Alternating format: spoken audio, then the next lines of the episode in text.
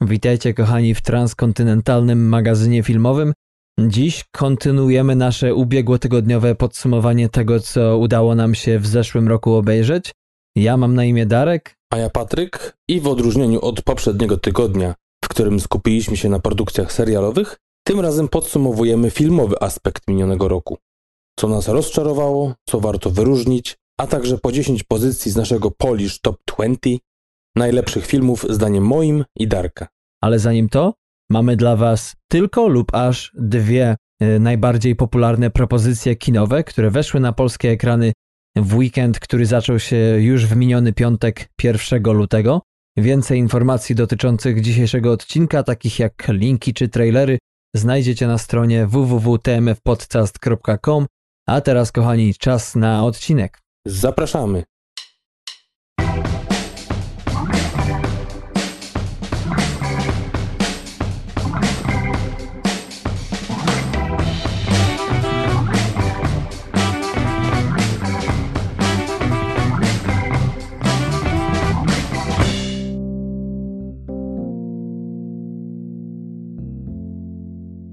Wracamy, kochani. Druga część podsumowania 2018 roku.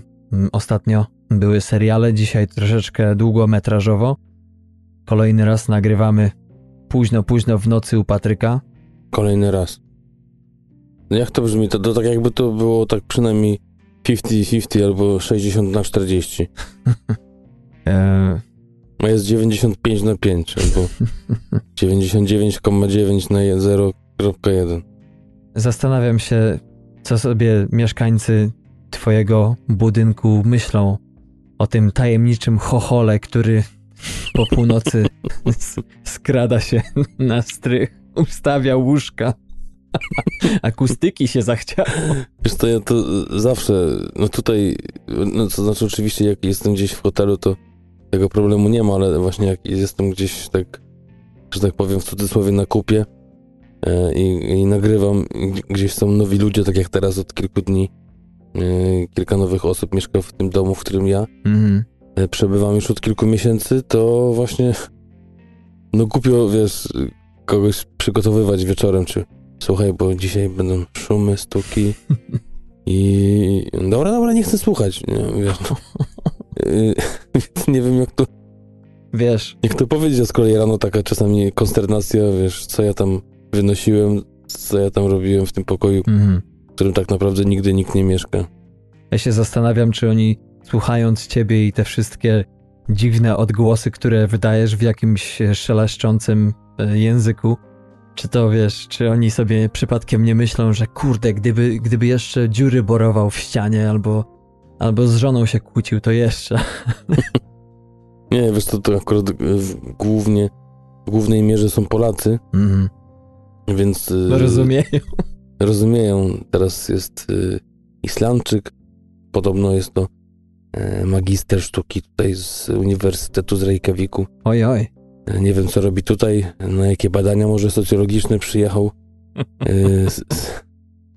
ale, ale no, przekonamy się. Może słyszał o tobie. Tak, może, może czytał tego maila, którego jeszcze nie wysłałem do Instytutu y, Sztuki Filmowej Islandii. E, Kolorowo tam masz. No kolorowo, chociaż y, i szaro, i, i ciemno. A powiedz mi, bo tak mi chodzi po głowie, przez to, że tyle musisz przebywać e, ze współbratymcami, e, doli czy nie doli, no tak jak na zbieraniu winogrona normalnie we Włoszech, że siadacie razem na, rano na śniadanie, potem praca i potem jeszcze oglądanie filmów, e, czy przynajmniej przebywanie ze sobą. I tak zastanawiam się, jakie to jest uczucie, jak e, jednego dnia na przykład ty jako jedyny jest, jedziesz samochodem służbowym, prowadzisz go, to jest jakieś w ogóle wyzwolenie nagle takie z dala od ludzi? Nie, nie.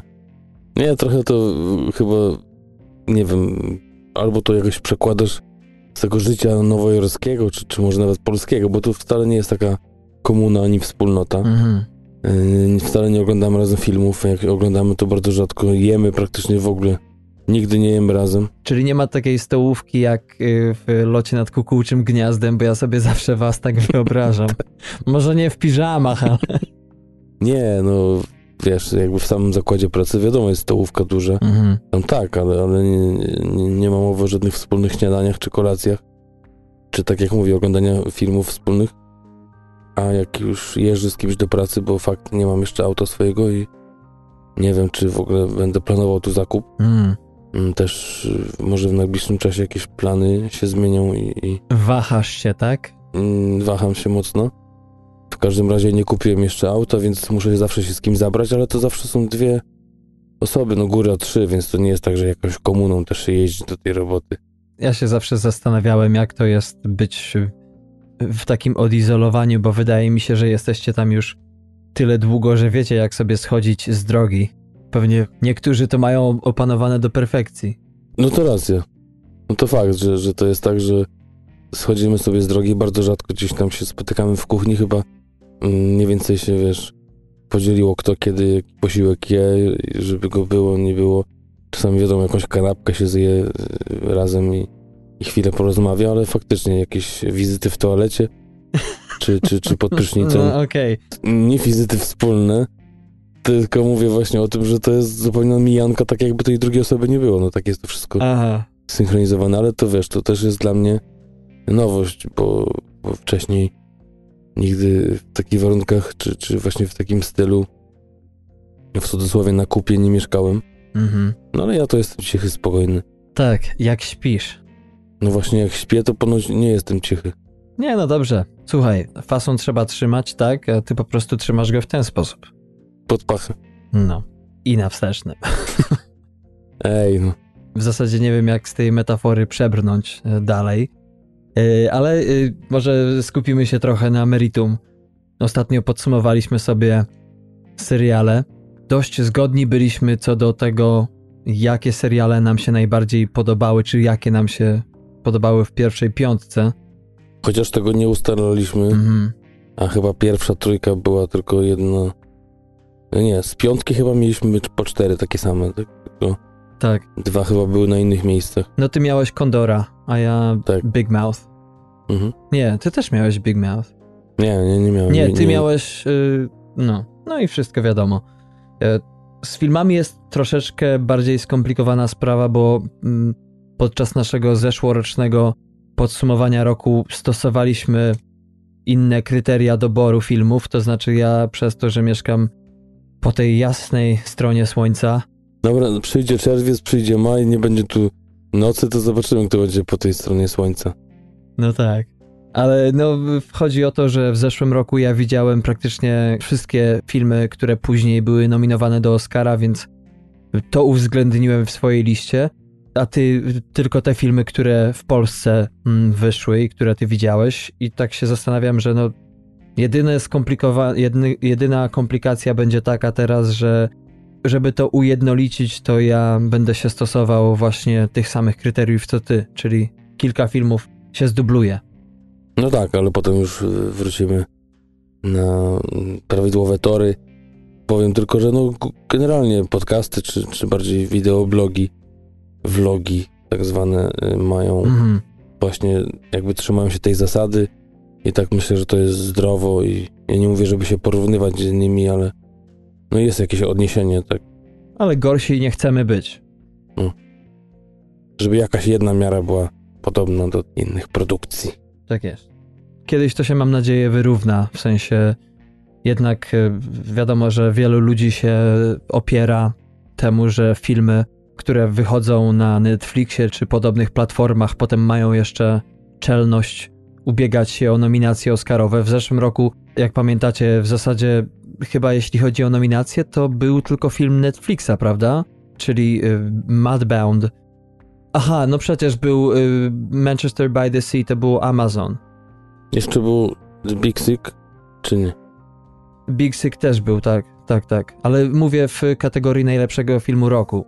Aha, no ja mówię ogólnie, bo to chyba był, Big Sick był chyba w scenariuszach. Ale chyba z Manchester by the Sea to było zupełnie inaczej. Ten film wyszedł najpierw w kinach, a potem się ukazał też na Amazonie. Natomiast y, Mudbound musiał, by móc ubiegać się o Oscary, musiał mieć jakąś taką limitowaną dystrybucję kinową. Nie no, w tym roku też tak jest. Przecież i Roma też miała jednocześnie premierę. Tak, tak, ale w tym roku szturmują już jednak te filmy, czy przynajmniej Roma szturmuje. Bo, Ale to co to znaczy szturmuje? no, odważniej zaczyna to wszystko wyglądać, w sensie Netflix zaczyna łożyć kasę na... No tak, ale wiesz, jakby zasada, zasada jest ta sama, więc jak chociaż pokazujesz się na Netflixie, to musisz mieć w kinie. Ale słuchaj, do czego piję, to do tego, że Steven Spielberg na przykład wracamy do brzegu. Steven Spielberg yy, kiedyś się wypowiadał o tym, że to właśnie nie powinno być tak, że jak wychodzisz na Netflixie, to, to koniec, kropka, amen. Natomiast no, mam nadzieję, że jednak te streamingi będą na tyle sprawne i na tyle się to będzie wszystko opłacało, że nie będziemy musieli robić sztucznych podsumowań premier w Polsce, tylko będziemy mogli oceniać najlepsze filmy roku, nie? Mówisz tak e, przyszłościowo mocno. No mam nadzieję, że to jakoś wejdzie nie w nie, naj, nie najdalszej przyszłości. Co ty o tym sądzisz? No ja nie wiem, szczerze mówiąc to trochę tak, em, może nie jestem aż tak radykalny jak mój guru reżyserski, czyli Tarantino, który Mhm. y, ostatnio widziałem jakiś wywiad, gdzie na scenie stał y, z Leonardo DiCaprio, opowiadali trochę o filmie tym swoim najnowszym wspólnym, czyli pewnego razu w Hollywood. Mhm. To była jakaś taka impreza, event właścicieli właśnie kin. Sam właśnie się przedstawiał jako właściciel kina e, i mówił właśnie o tym, że ma nadzieję, że to jednak e, zwycięży prezentowanie filmów w kinach, a nie no jest mocno anty tym platformom streamingowym. Ja nie jestem może aż tak bardzo, ale żeby było aż tak, że, że już, już faktycznie ludzie nie będą chodzić do kina, tylko będą oglądali wszystko w domu, to chyba bym nie chciał. Nie no, wiesz Chyba- co? Jeżeli miałoby być tak, to chyba jednak wolałbym być radykalny w tą drugą stronę. No masz rację, to może po prostu ujednolicić datę premier. Nie, no to, to wiesz, Darek, to, no właśnie dokładnie, nie wiem, Bond, jakieś Avengersi, takie filmy już mają wspólne, czy John Wick ostatnio też, Tak, tak. też w tym samym czasie był u nas i w Stanach. Nie wiem, dlaczego studiom wydaje się, że po prostu te filmy, nie wiem, nie opłaca się po prostu wyłożyć na dystrybucję, czy to aż, wiesz, jakieś większe koszta są, Y, bo przecież, y, no, chyba, że jest jakaś strategiczna w tym decyzja, ja nie wiem, czy odpływam tutaj od brzegu, ale wiesz, y, w stylu, jeżeli jakiś film jest bardzo amerykański, to może, nie wiem, jeżeli gdzieś indziej wyjdzie tego samego dnia, to popsuje recenzję i ważny jest ten hype w Stanach, żeby to ludzie kupili, a potem już niech się dzieje dalej. No ale wiesz, tutaj jest z kolei przepaść yy, właśnie też w drugą stronę, Mhm. yy, w którą mogą wpaść producenci, czyli tak zwane piraty, tak? Czyli nagrywane Mhm. filmy w kinach w Stanach, bo nawet słyszałem, że, że bardzo wcześnie mm, można było zobaczyć zimną wojnę i tylko z tego względu, że była premiera w Stanach i po prostu ktoś ze Stanów ściągnął i udostępnił, bo Mhm. e, jak dobrze wiesz, pewnie wy też, to polskie filmy w Polsce są, a nie wiem, czy to chodzi, czy to jest kwestia pilnowania, czy to jest kwestia tego, że, że jednak w Polsce wątpię, że to jest jakiś większy rygor w kinach, ale, ale faktycznie takich wersji kinowych to przecież polskich filmów to chyba nigdy nie było w internecie. No tak. Nie wiem. Nie mam pojęcia. Więc, więc to wszystko idzie z zachodu, więc jeżeli jest duża przepaść, jeśli chodzi o terminy premier w Polsce i w Stanach, to, to myślę, że już ta widownia w Polsce, czy w ogóle w Europie się mocno kurczy. Hmm. No, zastanawiam się, czy po prostu na ile ujednolicenie daty premier zmniejszyłoby piractwo. No nie wiem. Gdzieś musi być ukryta prawda i jak to mówi stare przysłowie, jak nie wiadomo o co chodzi, ale no... Nie wiem, czy to się rozbija o kasę, czy o technikalia, nie? No właśnie, bo wiesz, bo jednak tak jest. Tak, te, takie filmy, nie, wielkie produkcje, superprodukcje wychodzą praktycznie w, na całym świecie w jednym momencie, Mhm. kwestia dwóch, trzech dni, a, a czasami są takie przerwy właśnie jak No tak. Ostatnio właśnie chyba te filmy Tarantino nawet te, też mocno rozciągnięte w czasie te premiery polskie i, zagraniczne Mhm. i, i te amerykańskie. No bez sensu. A ty masz coś ostatnio rzuciło ci się do oczu a propos jakiegoś filmu czy serialu, który wziąłeś na ruszt? Wiesz co, tak przeglądam, co się pojawia, ale tak naprawdę... Przyznaj się. Y, I Am The Night Mhm. to jest taki serial, który gdzieś się pojawił, nie? Z Chrisem Pine'em, tak? Tak, z Chrisem Pine'em. I? I jest akcja usytuowana w latach 60. Mhm. y, w Stanach Zjednoczonych oczywiście. y, Mocna segregacja rasowa. Śledzimy losy no, kilku osób, między innymi dziewczyny nastolatki, która jest, y, jak to sobie mówi, kolorowa, ale Mhm. właśnie jest mieszana. Ojciec biały, matka czarna. I tutaj no, ten cały podział, tak, który wtedy istniał. Mhm. Mamy też właśnie Pajna, który jest takim fotoreporterem z takiego, można powiedzieć, dzisiejszego faktu, czyli goni gdzieś za jakąś tanią historią, tanim skandalem. Czyli fakt jeszcze się nie dorobił tytułu prawdziwej gazety. Nie, jeszcze nie. Tak sprawdzam. No i wiesz, trochę rozgrzebałem ten odcinek, Mhm. w końcu zasnąłem, bo to było późno, ale właśnie te wysokie oceny, coś czuję, że to chyba chodzi o to po prostu, że jest o tej segregacji, że to podnosi, podbija te oceny, tak samo jak pewnie było. W sensie waga tematu. Tak, tak, tak samo jak Black Clansman, czy, czy właśnie Czarna Pantera. Mhm. To, o czym mówiliśmy w ostatnim odcinku, czyli Mhm. waga tematu czasami potrafi przysłonić y, jakość całego obrazu. No tak to właśnie mi się kojarzy. Ale to wiesz, to, to, to jeśli chodzi o kwestie serialowe, Mhm. No dokończ myśl. Wiesz co, tak mi się tylko rzuciło, że ciekawe właśnie dlaczego te filmy zyskują takie oceny, bo w zasadzie to wiesz, my może ty i ja oceniamy filmy w zupełnie innej kategorii, to znaczy my patrzymy na całe dzieło i, i na tym się skupiamy i, i jakby nasze wszystkie opinie polegają na tym, że tyle aspektów wzięliśmy pod uwagę, to jest średnia ocena tego wszystkiego, a jednak y, wiesz, niektórzy ludzie oceniają film po prostu zdając się na, na to, co wyzwoliło jakby w, w nich największy impuls, nie? Co ich najbardziej poruszyło. Też jest kwestia chyba mm, amerykańskiej widowni, tak? Mhm. No tutaj też oni, bojownicy, o wiadomo, o równouprawnienie i tak dalej, to też jakby zupełnie innymi kryteriami się posługują i, i takie filmy na przykład, wiesz, y, bardzo ważny temat, który był w filmie Boy Erased, czyli wymazać siebie. Uważam, że naprawdę strasznie płytki dialog, prawie tak jak w y, Bohemian Rhapsody.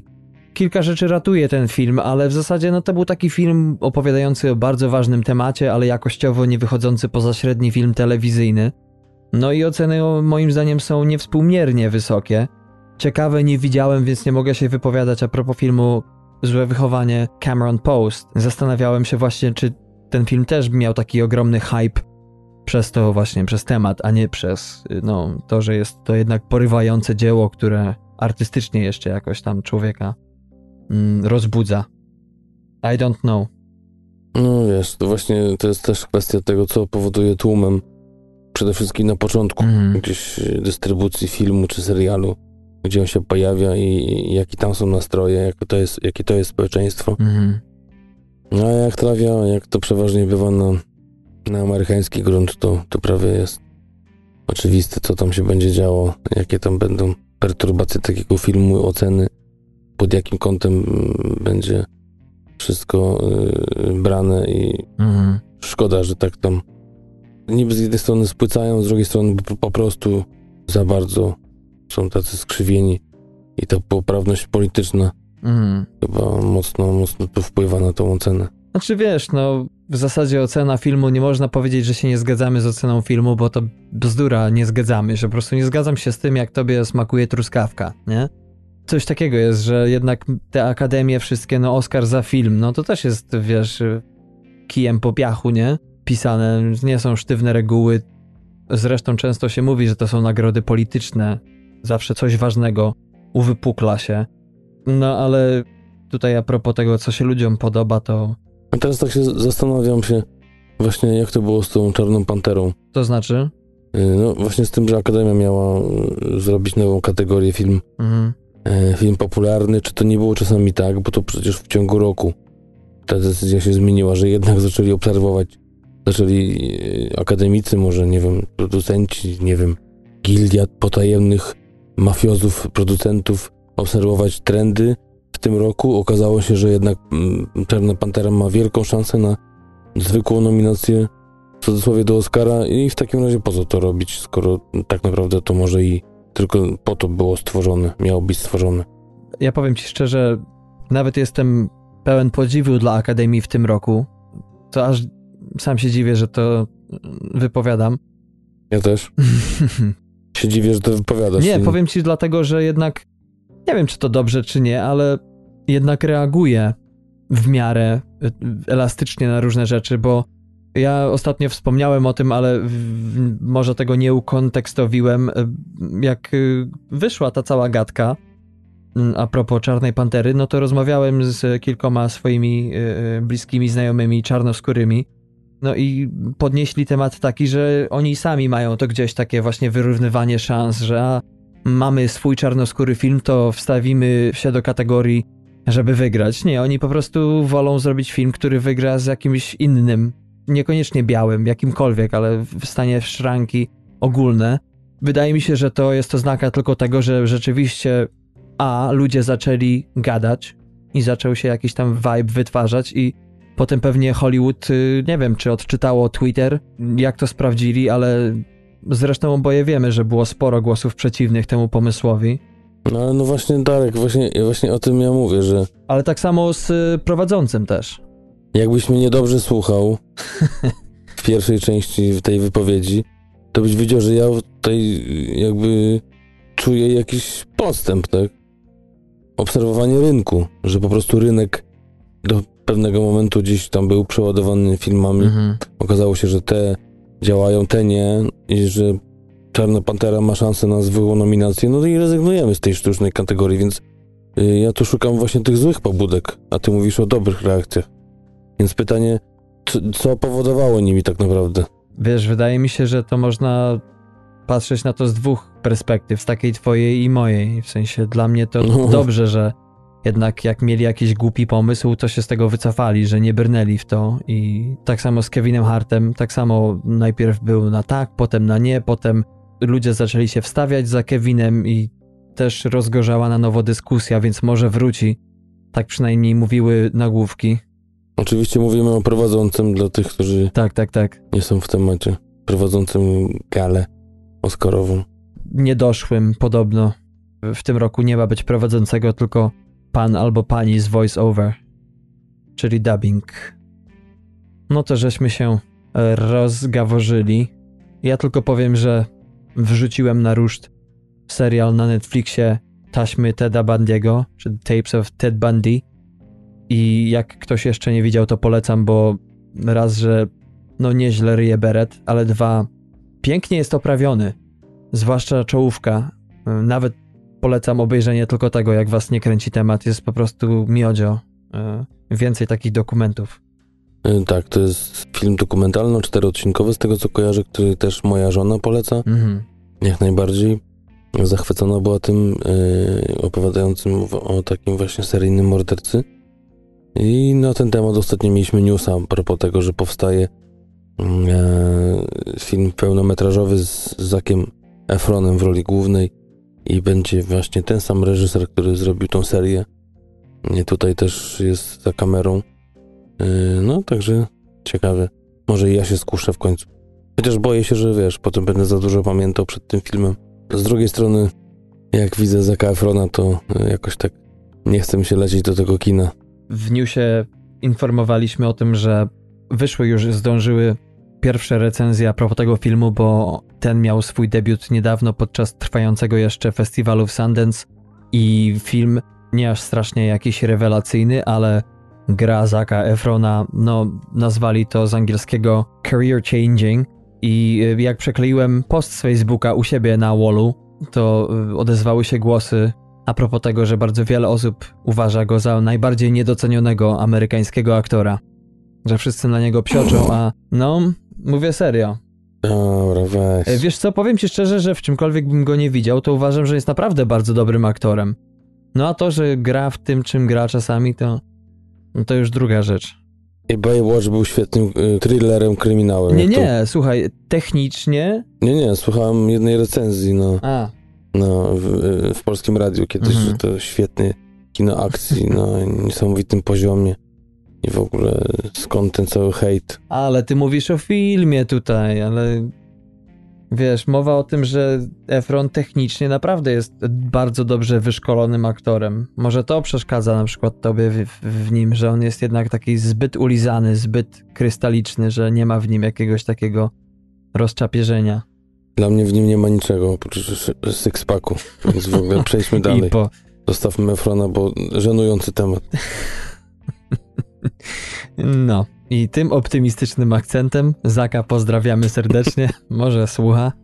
No mówiłem, że dzisiaj trochę złej krwi było w pracy i tak to się wylało teraz troszeczkę. Oj tam, nie psiecz na pracę, po prostu popiłeś. Tak, czasami nam zarzucają, czy bardziej mi podcast. Było pite.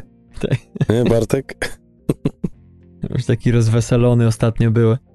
Mm, jeśli chodzi o to, kochani, gdzie możecie nasze bzdury e, śledzić w internetach, to e, Patryk wspomniał już o Facebooku, TMF Podcast wpisane w wyszukiwarkę facebookową, tam znajdziecie logo z kamerką, to my, tam filmy krótkometrażowe, ostatnio z shortlisty.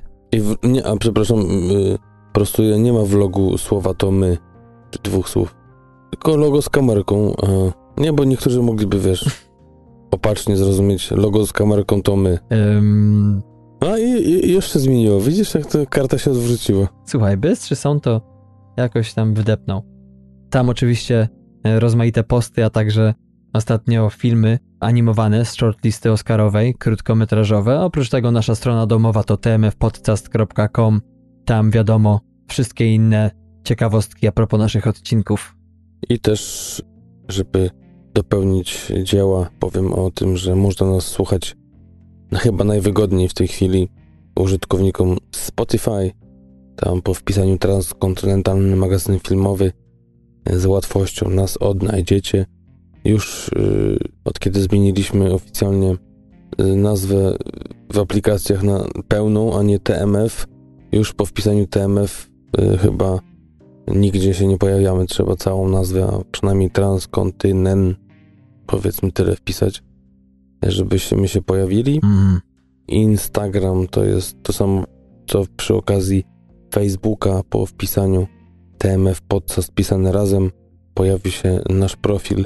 Na Twitterze to jest TMF podkreślnik na dole podcast i też tam no Darek teraz yy, generalnie Darek praktycznie większość moderuje, ale na Twitterze jest coraz bardziej aktywny. Yy, uczy się go i, i Twitter się uczy też Darka, y, jakoś tam współgrają i na razie go jeszcze nie, nie wywalili. Jeszcze nie, ale się staram. nie, źle nie będzie. Także to tyle, jeśli chodzi o to, co, gdzie i jak. Natomiast dziś, tak jak wspomnieliśmy na początku, mamy dla Was dwie premiery, dwa filmy.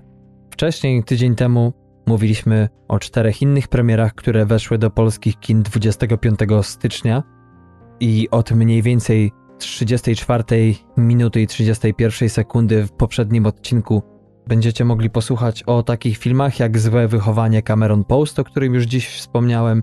E, oczywiście oprócz tego był jeden film polski, Mishmash, czyli Kogel Mogel 3, a także dwa dramaty Nienawiść, którą dajesz oraz Maria Królowa Szkotów i co ciekawe, chciałem tylko mm, przytoczyć wam pewną statystykę a propos tego, jakie filmy były, który z filmów okazał się najbardziej popularnym filmem. No i wyszło tak jak w przypadku, powiedzmy, Złotych Globów w tym roku. Najwięcej widzów i zarazem najgorsze notowania otrzymał film. Jaki? Kogel Mogel. Tak jest. Pojechany po całości, tak zwany paździerz. A z kolei y, po sentymencie zarobione. Tak jest. Ponad pół miliona widzów było na tym filmie. Drugie miejsce e, to film, o którym nie powiedzieliśmy, ale dlatego tylko, że w zasadzie tytuł mówi wam wszystko o propos tego filmu. Nie wiem dlaczego ktoś się zdecydował na to. A ten tytuł to o psie, który wrócił do domu, czyli wszystko jasne. Next. Serio. 124 mm. e, tysiące głosów ponad uzyskał ten film. Natomiast e, najbardziej ambitny, Maria Królowa Szkotów, Ale pomyśl sobie, zero emocji. Nie wiem, czy widziałeś trailer. Nie. Na tym trailerze dosłownie wszystko jest pokazane przez tam 90 sekund. Tak jakbyś się tego spodziewał. Jak siedzę sobie ze znajomą w kinie, oglądamy to, ja nie mogę zdzierżyć, a ona mówi, no co, no przyjemnie wygląda. Pójdziesz mi precz. Ale yy, wracając, Maria Królowa Szkotów 13 tysięcy głosów. No i tak jak się spodziewali recenzenci, nienawiść, którą dajesz 3300 tylko. A wydaje się, że właśnie na ten film z tych, y, które wymieniłem, warto pójść, bo Maria okazuje się jednak y, wszędzie, nie tylko w Polsce, ale i za granicą, lekkim rozczarowaniem, a szkoda. No ale co zrobić? No ale to tak, zobaczymy co przyniesie ten tydzień, co przyniesie ten weekend, jak tutaj poradzą sobie e, filmy Mhm. i nie wiem, Darku, wiesz dokładnie ile tych premier będzie w tym tygodniu? Już ci mówię, tych filmów jest siedem aż, także to nie jest jakaś posłucha a propos propozycji filmowych, ale mało znane filmy, także A jak to bywa z filmami, które wchodzą do kin? Przeważnie są mało znane. no nie, ale y, ciężko szukać jakiegoś hypu. Cokolwiek to nie znaczy. Więc zaczynamy. Dwa filmy, dwa na literkę A. AA. To też coś z historii dzisiejszych moich e, związanych z pracą, ale dobra. Nieważne. Anioł. El Angel? Tak jest. El Angel, którego to producentami są Pedro i Augustin Almodovar, więc bardzo znane nazwisko, gorące w świecie filmowym. Film był nominowany do nagrody GOI, czyli Hiszpańskiej Akademii Sztuk Filmowych, w kategorii najlepszy film zagraniczny hiszpańskojęzyczny. Ciekawe. Mhm. Jest to też argentyński, czy bardziej był argentyński kandydat do Oscara, który nominacji oczywiście nie dostał, a nasz dostał, Zimna Wojna, trzy nominacje, a to tak tylko na marginesie i, Nie podpalaj się tak. i zapraszamy. No, Anioł, film produkcji argentyńskiej, z tego co widać. Tak jest. Drugim filmem. E, nie, nie, jest więcej. Przenosimy się w naszym aniele do Buenos Aires, wibrującego rock'n'rollem miasta do lat 70. Jednym z dwóch głównych bohaterów dzisiejszego filmu jest 17-letni chłopiec o imieniu Carlito, który właśnie ma twarz przypominającą ludziom anioła. Widziałeś kiedyś taką twarz, która przypomina ludziom anioła? Yy, tak, ale no, nie na trzeźwo. Na pewno. Moving on. Nasz Carlito, wracając do tematu, yy, no, od lat najmłodszych trudni się kradzieżą. Jest to fascynacja w zasadzie. No i na swojej drodze kiedyś spotyka charyzmatycznego przestępcę Ramona.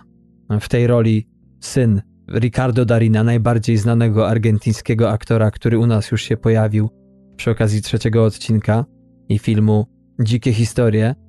Tu postać, Ra- postać Ramona gra jego syn Chino. Tak, i do głosu dochodzi jego ciemna strona natury. Za niewinnym anielskim wyglądem Carlita kryje się brutalna jego dusza. Wiedziałem.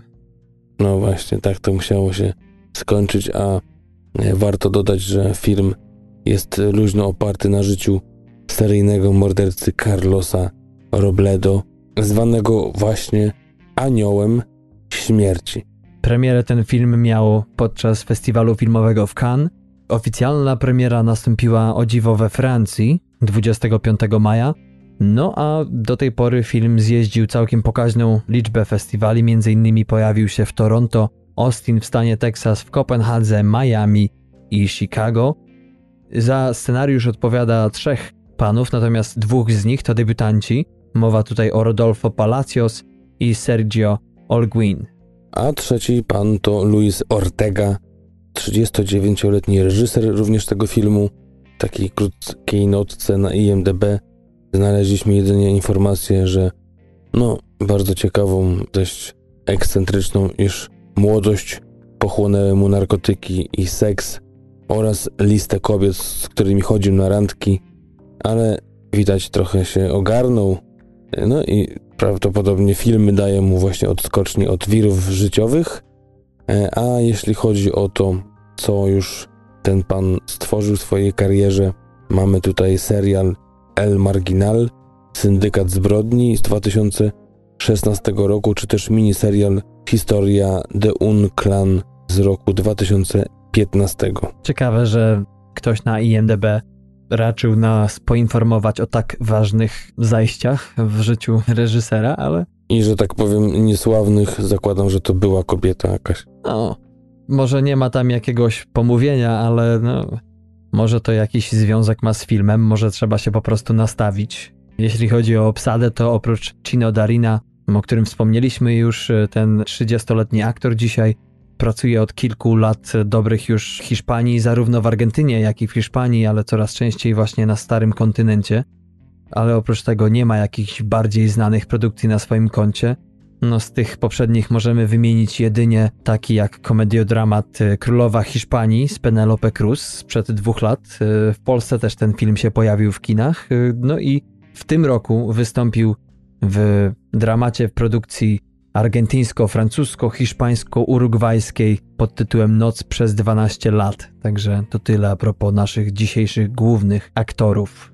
A jeszcze taka ciekawostka jest, e, myślę, no dość znacząca, iż zbrodniarz, o którym dzisiaj mówimy, na którego to historii oparty jest film, czyli Carlos e, Robledo, nadal siedzi w więzieniu. Mhm. Jest to najdłuższa odsiadka w Argentynie Spędził tam już bagatela 45 lat.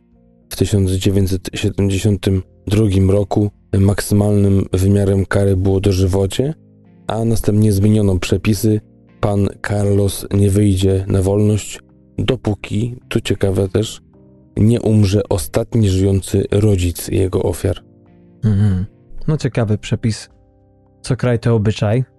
Na IMDb dzisiejszy film przy ponad 2000 głosów ma ocenę 7.2. Na Rotten Tomatoes 73% y, mm, recenzentów oceniło ten film pozytywnie, wystawiając mu przeciętną notę 6.6, ale aż 84% y, widzów było bardzo pozytywnie zaskoczonych tym filmem i dali mu średnią ocenę 4 na 5, czyli 8 na 10.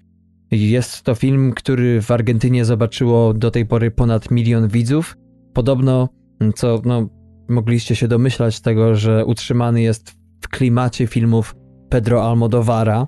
Zarzuca się z jednej strony temu filmowi sporo brutalności, ale wielu recenzentów pisze, że potrafi ona być wręcz fascynująca w tym filmie. Bardzo wychwalany jest Ferro, który gra rewelacyjnie, no i Ktoś napisał, że pomimo iż bohater nie budzi za grosz sympatii, to stylistyka, odtworzenie realiów lat 70. w Argentynie oraz bardzo charyzmatyczne postaci wszystkie niedostatki nadrabiają. A teraz, żeby nie było tak słodko, łyżka dziegciu, czyli te negatywne mm, opinie krytyków, między innymi taka, iż film podobno ma sporo do pokazania, ale mało do powiedzenia. Też takie pogłoski chodzą, że na końcu okazuje się, że to był tylko pusty horror. No też y, mocno no właśnie na kontrze do tego, co Darek powiedział na początku, które naprawdę no, zachęcało, teraz trochę zniechęcam. Y, I też y, jeden z krytyków mówi o tym, że no, widz jest w takiej sytuacji, że nie wie, co ma sądzić, jak ma się czuć, a ponieważ reżyser zamiast w pewnym momencie klarować sytuację i wyjaśniać, o co chodzi, to jeszcze bardziej ją gmatwa i to podobno nie wychodzi filmowi na dobre. Budżet filmu jest nieznany, natomiast e, zarobił do tej pory 94 tysiące dolarów, czyli nie za wiele. Mm, czas trwania to 118 minut. Y, no, nie najgorzej się zapowiada, w sensie coś może jest to na rzeczy. Może Chino Darin da radę, pójdzie w końcu w ślady ojca. No oby, oby, to już yy, rychło w czas. 30 lat. Mhm. Ile można czekać? Tak. Jeśli popatrzymy sobie na Filmweb, kochani, to tam najbardziej oczekiwaną premierą tego weekendu jest film Arktyka z oryginalnego Arctic, dramat przygodowy produkcji islandzkiej w języku angielskim. Chyba się nie za często zdarza, prawda, jeśli chodzi o filmy islandzkie? No nie, raczej nie. Jest to film, który rozgrywa się w środku arktycznej tundry, gdzie dochodzi pewnego dnia do katastrofy samolotu z jednym pasażerem w środku, jednym jedynym. No i samotny podróżnik co robi? daje radę. Daje radę, y, wyciąga ze zrujnowanej maszyny wszystko, co może mu się przydać i rusza przed siebie, walczy o przetrwanie i mimo swoich najlepszych starań krajobraz rozpościerający się nie daje mu zbyt wiele złudzeń na to, że jego droga zakończy się sukcesem, ale wędrowiec ma niewielką, ale ma nadzieję i na tym właśnie podobno opiera się film, na tej walce o przetrwanie. Tak jest. Y, premierę ten film miał także podczas ubiegłorocznego festiwalu w Cannes. Chyba podczas poprzedniego filmu powiedziałem, że tegorocznego festiwalu, ale nie, nie. Film Arctic miał premierę 10 maja, na dzień przed poprzednim filmem dzisiejszym. Do kin, co ciekawe, wchodzi natomiast zarówno w Polsce, jak i w Stanach Zjednoczonych w tym samym dniu. I zjeździł oprócz tego kilka festiwali filmowych, pokazał się m.in. w Australii podczas Melbourne International Film Festival, a także w Busan. Za scenariusz odpowiadają dwaj panowie, reżyser filmu Jose Penna oraz Ryan Morrison. Może pokrótce o tym drugim. Jest to właśnie bardzo bliski współpracownik reżysera, o którym za chwilę kilka słów. Pracował z nim przy większości jego produkcjach, mm, a także w kolejnym projekcie o nieznanej dacie premiery na 2020 rok o tytule Stowaway z Anną Kendrick oraz Tony Collette. A sam reżyser, jak wspomniałem, brazylijski, jest to jego debiut pełnometrażowy. Wcześniej mm, serial sci-fi Once Upon z 2011 roku, a z takich e, bardziej znanych krótkich metraży mamy tutaj Turning Point z 2015 roku, czy też Instant e, Getaway z 2014. Tak jest. Główną rolę męską w filmie gra tutaj duński aktor Mads Mikkelsen, wcześniej znany z serialu Hannibal, czy z filmu nominowanego do Oscara pod tytułem Polowanie The Hunt z 2012 roku. No i w zasadzie jeszcze można na jego koncie wymienić takie propozycje jak Pusher, jedynka i dwójka, druga połowa lat 90. No i w ogóle, gdy zaczynał karierę, to można powiedzieć, a dość późno to było, bo w wieku 31 lat to znajdzie się tam właśnie jeszcze kilka innych ciekawych propozycji. Ostatnio, może słyszeliście, wyszedł z nim film na Netflixie pod tytułem Polar. Film nie zbiera rewelacyjnych recenzji, ale Mikkelsen wydaje się, że jest no, w formie i nie waha się pociągnąć za cyngiel, jak przyjdzie ku temu okazja. I mamy też Marię Telm Smeradotir, islandzka aktorka grająca jedyną poza Matsem właśnie postać młodej dziewczyny. Wcześniej mogliśmy ją zobaczyć w filmie Zagrywka Czarnego 2012 roku, Black's Game, o którym więcej mm, opowiadam e, ja sam w odcinku solowym z numerkiem 24,5. E, oprócz tego też mogliście ją widzieć w serialu Fangar z roku 2017. Tak jest. Dzisiejszy film zbiera całkiem niezłe oceny, chociaż nie ma aż tak wielu głosów, ale na IMDb jest to 7,3 na 10. Na Rotten Tomatoes aż 93% recenzentów wypowiada się pozytywnie o tym filmie. Średnia ich ocena to 7,1. Widownia czeka, na IMDb widać nie. Mówi się, że Arctic to mocny thriller o przetrwaniu, który nie jest przeznaczony dla osób o słabych nerwach, a Mads Mikkelsen jak zwykle prezentuje magnetyczną, pełnokrwistą postać wrzuconą w dość surowy klimat islandzkiej natury. Mówi się też o tym, że jego surowy minimalizm wykorzystuje właśnie czystą formę kina, opartego w głównej mierze na wizualnej jej stronie. Ten właśnie to recenzent dał ocenę 15 na 20. Ciekawy wynik. A mówią też o tym, że prostota filmu jest godna pochwały, ale niestety w ostatnim akcie, w którym wszystko w końcu się łączy, niestety cała warstwa emocjonalnego odbioru przychodzi do nas dużo, dużo zbyt późno, co wpływa na negatywny odbiór filmu, a z ciekawostek warto wspomnieć, że był on kręcony przez 19 dni właśnie na Islandii, a mm, Mikkelsen mówił o tym, że był to najtrudniejszy film, jeśli chodzi o dni zdjęciowe właśnie w całej jego karierze film ponoć e, zebrał standing ovation, czyli oklaski na stojąco na festiwalu w Cannes, trwające równo 10 minut. No a reżyser zaczynał swoją karierę na YouTubie 12 lat temu, a jego kanał nosi nazwę Mystery Guitar Man. Budżet dzisiejszego filmu to dwie bańki w dolarach, natomiast czas trwania to godzina i 37 minut. Także, kochani, macie dwóch debiutantów pełnometrażowych, dwa różne filmy. Jeden mocno arktyczny, mocno nordycki, a drugi to thriller bardziej gorący rodem w Hiszpanii.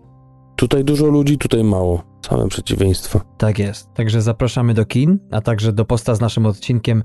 Tam oczywiście trailery i linki dla tych, co się chcą zorientować. Na www.tmfpodcast.com Tak jest. No i przechodzimy już do głównej części naszego odcinka, czyli do podsumowania filmowego ubiegłego roku. E, zanim rozprawimy się z filmami, które widzieliśmy, to takie pytanie właśnie, jak to było z tymi filmami w tym roku, jeśli chodzi o, o światowy box office i polski? Czy coś cię zaskoczyło mocno? Mm, czy, czy, czy jakieś wyniki wręcz przeciwnie zszokowały tak niskim pójściem na? To znaczy, no, jeśli chodzi o polskie kino, to szok czy nie szok, ale fajnie, że jednak polskie filmy zajęły główne miejsce na podium i mieliśmy tak właśnie Claire, Kobiety Mafii, czy też Planetę Singli 2, mm. ale i Dywizjon 303 też się e, w tej właśnie pierwszej czwórce pojawił. Myślę, że Cudowny Chłopak to jest dość kameralny, mały film, fakt z Julią Roberts w roli głównej, ale jednak e, no nie wydawałoby się, że może na przykład przeskoczyć nowe oblicze Greya, -hmm. które jest za nim. Także to tyle, jeśli chodzi o nasz polski ogródek. A czy ciebie coś zaskoczyło w tym polskim top ten? To, co mnie tylko zaskoczyło, to to, że na dziewiątym miejscu dopiero jest film Avengers Wojna bez granic, przez niektóre osoby nawet obwieszczony jednym z lepszych filmów o tej grupie superbohaterów, który to film był najbardziej popularnym filmem na świecie w zeszłym roku. I takie odwrócenie właśnie tych statystyk y, to było ciekawe, ale oprócz tego dobrze, w sensie wiesz, Claire się całkiem udał, chociaż to nie jest najbardziej wybitne dzieło tego reżysera. Planeta Singli, no wiesz. Wiem, idźmy dalej. E, kobiety mafii to mnie dziwi, bo o ile pamiętam, to jednak nie było z nim tak rewelacyjnie, nie? Ale też warto też zwrócić uwagę na to, E, jak to wygląda liczbowo, bo, bo kobiety mafii to mamy 2 miliony ponad i 37 tysięcy, a Claire mhm. E, no dość sporo, ponad dwa razy ten wynik, czyli 5 milionów e, ponad i 100 tysięcy. I to tak można też przełożyć na to, że znalazł się w czołówce tych najlepiej oglądanych po 1989 roku. I tam tylko ustępuje filmom dwóm, co ciekawe, z jednego roku z 1999, czyli Ogniem i Mieczem i panu Tadeuszowi, aczkolwiek wiadomo, że zarobił najwięcej. Mówi się właśnie o tym rekordzie, jeśli chodzi o sprzedaż biletów, o zarobki. To jest ponad 28 milionów dolarów. To no, kosmiczny wynik jak na polski film. Tak, tak. Ale Ogniem i Mieczem i pan Tadeusz te wyniki były trochę niższe, ale no, pamiętajmy, mm. że to jednak no, 19 lat różnicy. Wiesz co, to zestawienie box office'u polskiego pokazuje dwie ciekawe rzeczy. Pierwsza jest taka, że zestawiając ze sobą zarówno Claire, jak i kobiety mafii, widzimy, że jeśli chodzi o weekend otwarcia, to Claire jedynie jedną trzecią więcej miał widowni, bo 935 tysięcy, natomiast już potem skoczył wyraźnie na te 5 milionów, a kobiety mafii wyhamowały po tym mm, weekendzie otwarcia.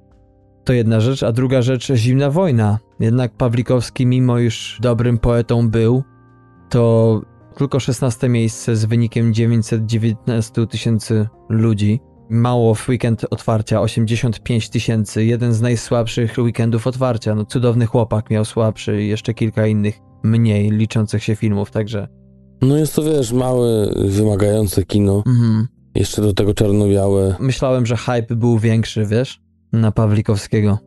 Wiesz, ale to, to raczej w tych sferach twórców, tutaj myślących, wiesz, jakoś tak bardziej wyniośle Mhm. o nagrodach y, ewentualnych, które mogą przyjść po idzie. A myślę, że taki przeciętny zjadacz to jednak no wolał przyjść do kina dla rozrywki i tak widać właśnie jakkolwiek Claire podawał poważny temat, Mhm. to, to ta forma była bardzo ciekawa. Potem mamy Kobietę Mafii, e, Wegi, Planeta Singli, czyli romkom, nasze typowe, standardowe Mhm. wiesz, produkcje. Dywizjon 303 o naszej historii, bo tak warto może podsumować tą pierwszą dziesiątkę, wymienić ją, ją po drodze. Te, te cztery filmy, potem I nie ma mocniej dwa, czyli animacja. Pierwsza, y, szóste to mówiliśmy Cudowny Chłopak. Nowe oblicze Greya y, na ósmym. Hotel Transylwania 3, czyli kolejna animacja. y, Na dziewiątym, jak Darek wspomniał, Avengersi Wojna bez granic, a na dziesiątym Narzeczony na niby, czyli komedia romantyczna, kolejny romcom. A co ciekawe, najlepszy film na Złotych Globach w kategorii dramat, czyli Bohemian Rhapsody u nas na miejscu 11. Tak jest. Dramat, panie. Dram. Jeśli chodzi o zestawienie top 10 światowego box office'u, to jak wspomniałem, Avengers Wojna bez granic zdominowali kino i to ze sporą różnicą, ze sporą nadwyżką nad drugim filmem, bo Avengers Wojna bez granic to 2 miliardy 48 milionów dolarów, a Czarna Pantera to miliard 348, także ogromne kwoty, tylko czy może aż 5 filmów przekroczyło miliard w zeszłym roku. Czarna Pantera tak wysoko zostanie wywindowana, no bo pierwszy czarnoskóry w pełni, praktycznie film akcji, no to obok tego się nie przechodzi obojętnie, na pewno w Stanach. Wiesz co, no tak, widać, że jednak Stan Zjednoczony, czy, czy bardziej świat ogólnie mocno, mocno i to 100% prawie nastawia się na rozrywkę, Mm, no bo wszyscy to, można powiedzieć w jakimś stopniu, dinozaury to też super bohaterzy, mm, Y, Więc mamy Avengersów, Black Panther, Jurassic World. Na trzecim y, nie ma mocni, kolejni superbohaterowie, animowani.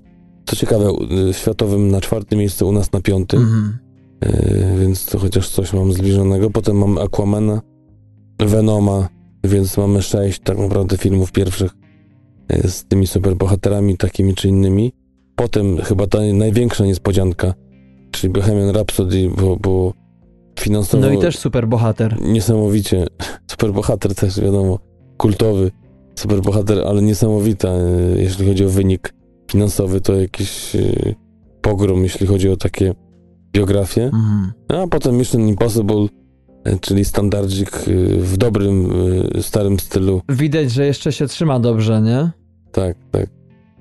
E, Zaraz będzie mocno po 50, a, a jeszcze pan się trzyma. I znowu y, przechodzimy do superbohatera Deadpoola i potem y, następca Harry'ego Pottera, czyli Fantastyczne Zwierzęta, część druga. Tak jest. Żeby nie spojrzeć kolejne miejsce dalej, czyli y, Mrówka Man, Ant-Man i no, no widać, to świat się bawi. Chodzi do kina się pobawić przede wszystkim. Tak jest. W zasadzie nie ma filmu, który nie byłby o superbohaterach w pierwszej dwudziestce. Tym bardziej teraz ciężko będzie też liczyć na przykład, wiesz, nawet Roma, tak? Skąd, jak to przeliczyć na dolary, skoro większość ludzi widziała na Netflixie i no nie powiesz, że no to to dolara z miesięcznej subskrypcji, nie? No nie, tam to raczej liczy się tymi y, wymiarem widzów, tak jak Beard Box ostatnio mówiono, że 45 milionów ludzi Tak, tak. obejrzało. No tu nic mnie nie dziwi. Y, Moich filmów w zasadzie poza Czarną Panterą nie ma. Chociaż y, nie wiem, druga część Deadpoola, nie wiem, nie pamiętam, czy tobie też się wydawało, że jednak jedynka była lepsza, czy ci dwójka bardziej przypasowała? Mm, chyba standardowo przy takich filmach mam to, że, że ta świeżość wygrywa, czyli Mhm, y, wiesz, to, że to za pierwszym razem było takie coś wyjątkowego. mhm. Tutaj było podtrzymane, y, dobry humor, bardzo mi się podobało, zresztą opowiem dzisiaj trochę o tym filmie. czy bardziej umiejscowiłem go na swoim top 10, y, ale jedynka jednak lepsza y, właśnie pod względem tej świeżości tematu i zupełnie innego podejścia do superbohatera. Mhm. No to fakt. Taki dirty, bo superbohater. Mm, taki Dirty Dancing. Były jakieś filmy, których nie widziałeś, a może powinieneś był i oczywiście nie mówimy o filmach, które wyszły w Stanach, które będą się liczyły w walce o Oscary, a których jeszcze w Polsce nie było, ale takich, które mogłeś zobaczyć, a jednak jeszcze nie wrzuciłeś na ruszt? No oczywiście. Takich filmów nie można uniknąć. Czy no, takie muszą się pojawiać, bo nie da się zobaczyć wszystkich dobrych, czy tych takich z potencjałem, czy takich, które mogłyby ci odpowiadać. Yy, I mam tych filmów yy, kilka. W ostatnich dniach kilka mi odeszło, ale na przykład dużo słyszałem świetnych recenzji na temat polskiego filmu Jagody Szelc, Wieża, Jasny Dzień. Mm. Yy, No ale to ze Mhm. względu na, no wiadomo, usatuowanie mojej osoby na co dzień na Islandii to było praktycznie niewykonalne. Mhm. Tak samo Siedem Uczuć Marka Kotryskiego również strasznie żałuję, bo też dość ciekawe recenzje i, i temat też, sama forma filmu właśnie umiejscowiująca dorosłych w szkolne ławy. Bardzo ciekawy, nowatorski pomysł pana Marka. Mhm. I chyba Fuga, to tak, żeby podsumować i zakończyć te polskie filmy. Też świetne recenzje. A z filmów zagranicznych myślę, że Dogman to jest ten film, y, którego żałuję, że nie widziałem. Climax produkcji francuskiej, Burning kino azjatyckie i 22 lipca, y, czyli film opowiadający o masakrze norweskiej na wyspie Utoja. I to chyba taka będzie moja lista. A on jest dostępny na Netflixie, prawda? Czy to nie ten? Podobno tak. Wiem, że dwa wyszły w tym samym okresie mniej więcej o podobnej historii, tylko że jedna była bardziej zbliżona powiedzmy realiom, a druga jakby ogólnie rozgrywała się A jak wygląda twoja ta lista właśnie takich, których żałujesz, że przeoczyłeś, czy że jeszcze nie widziałeś? A ja ci powiem, że pokrywamy się w dwóch przypadkach, bo Fuga to ten film, który najbardziej żałuję, że nie mogłem zobaczyć Agnieszki Smoczyńskiej, bo zgarnął dwa Złote Lwy, w sensie dwie nagrody specjalne. Złoty Lew za debiut i za zdjęcia otrzymał Kuba Kijowski. No i Burning to dwa. No i Shoplifters jeszcze nie widziałem Hirokazu Koridy o rodzinie złodziejaszków. y, To bardzo ciekawy temat. No i Claire Smarzowskiego, też Złoty Lew za scenografię, nagroda publiczności, dwie nagrody specjalne. Wiem, że nie mogę się spodziewać e, szału po tym filmie, ale nadal żałuję, że nie widziałem, bo jednak w Polsce, co można było przewidzieć, zrobił się dym po tym filmie i do dzisiaj jeszcze topór wojenny tam raczej zakopany nie jest. Ale resztę filmów to w zasadzie widziałem, bo ze względu na moją lokalizację to jednak y, zobaczyłem o wiele więcej filmów, których dzisiaj nie ujrzymy w zestawieniu, o których może kiedyś powiem w ramach jakiegoś swojego półodcinka, na przykład zrobię erratę do najlepszych filmów roku w ogóle, przed Oscarami może. Mhm.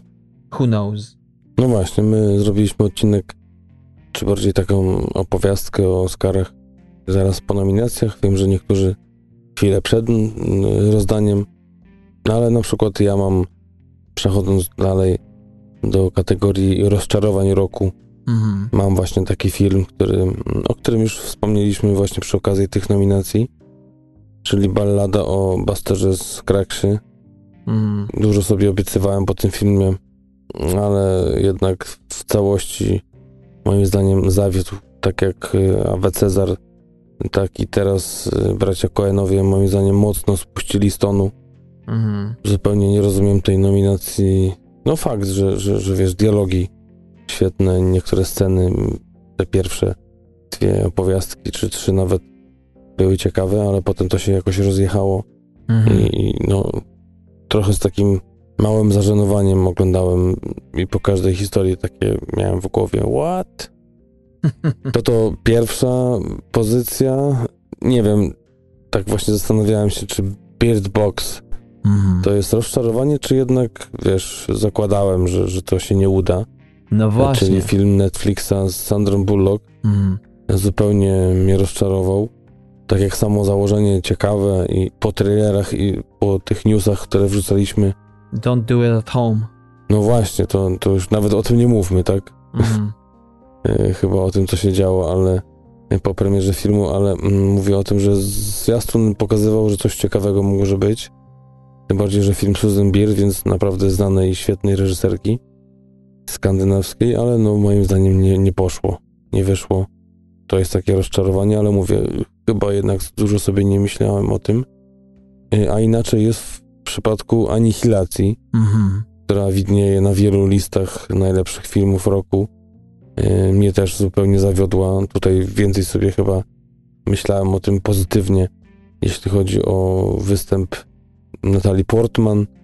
Chyba wydawało mi się w jakiś, nie wiem, pokręcony sposób, że ona niczego złego wybrać nie może. No ale poszła chyba po linii najmniejszego oporu. Po prostu Netflix, dobra, biorę, zobaczymy co będzie, wszyscy grają, to ja też zagram. Chociaż, tak jak mówię, no, wiele jest list, gdzie jest to uważane to dzieło, ten film science fiction mm, za coś pozytywnego. Tak, A- tak. Ale akurat nie, nie u mnie.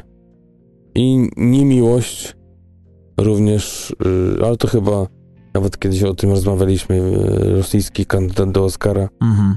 za zeszły rok, który pojawił się u nas w 2018 roku. Tutaj mi z kolei nie zagrało, nie zagrały niedomówienia, których było trochę za dużo. Dużo było. Mhm. Był to film o, o, o rodzinie, której y, od dawna źle się dzieje. Mąż z żoną w separacji, dziecko zagubione, y, wspólne i, i nagle znika y, gdzieś, nie wiadomo czy zostało porwane, czy uciekło. Mhm. I taka właśnie e, sytuacja nas zastaje zaraz na początku filmu i, i, i gdzieś śledzimy losy tej całej trójki, czy bardziej tych głównych bohaterów w postaci rodziców. I no i tu mi coś nie zagrało, coś jakby nie, nie czułem tego mm, Klimatu. Klimatu i takiego właśnie uniesienia tych e, recenzentów Mhm. nad y, jakąś niesamowitością tej gry. Strasznie mi się podobały zdjęcia ciemne, takie mocno jednokolorowe, Monochromatyczne. monochromatyczne. O, te słowa mi brakowało, monochromatyczne. To mi akurat, y, jak to się mówi, nadawało do takiego sznytu produktu premium. Mm. Ale jednak y, dla mnie takim to właśnie nie był. Trochę był y, opakowany w ładne pudełko, tak jak ostatnio właśnie muszę się pochwalić, żona mi przywiezie. Kupiłem sobie portfel, O. żona mi przywiezie, ale powiedziała, że co ty sobie kupiłeś? Już, już, już lepsze jest to pudełko metalowe, w którym ten portfel był, niż ten cały portfel. I to generalnie tak myślę o filmie Niemiłość. No ładnie. A twoja lista rozczarowań? A ja mam listę 5 plus 1, Mm. ale to może prześlizgnę się mm, przez nie. A ja specjalnie o jednym filmie nie powiedziałem, żeby dołączyć się do, do twojej dyskusji. Tak myślę. No dobra, No, ale wal. zobaczymy, czy zaskoczysz mnie czymś. Y, Numer 5 od końca. Mm, Wyspa Psów Wes Andersona.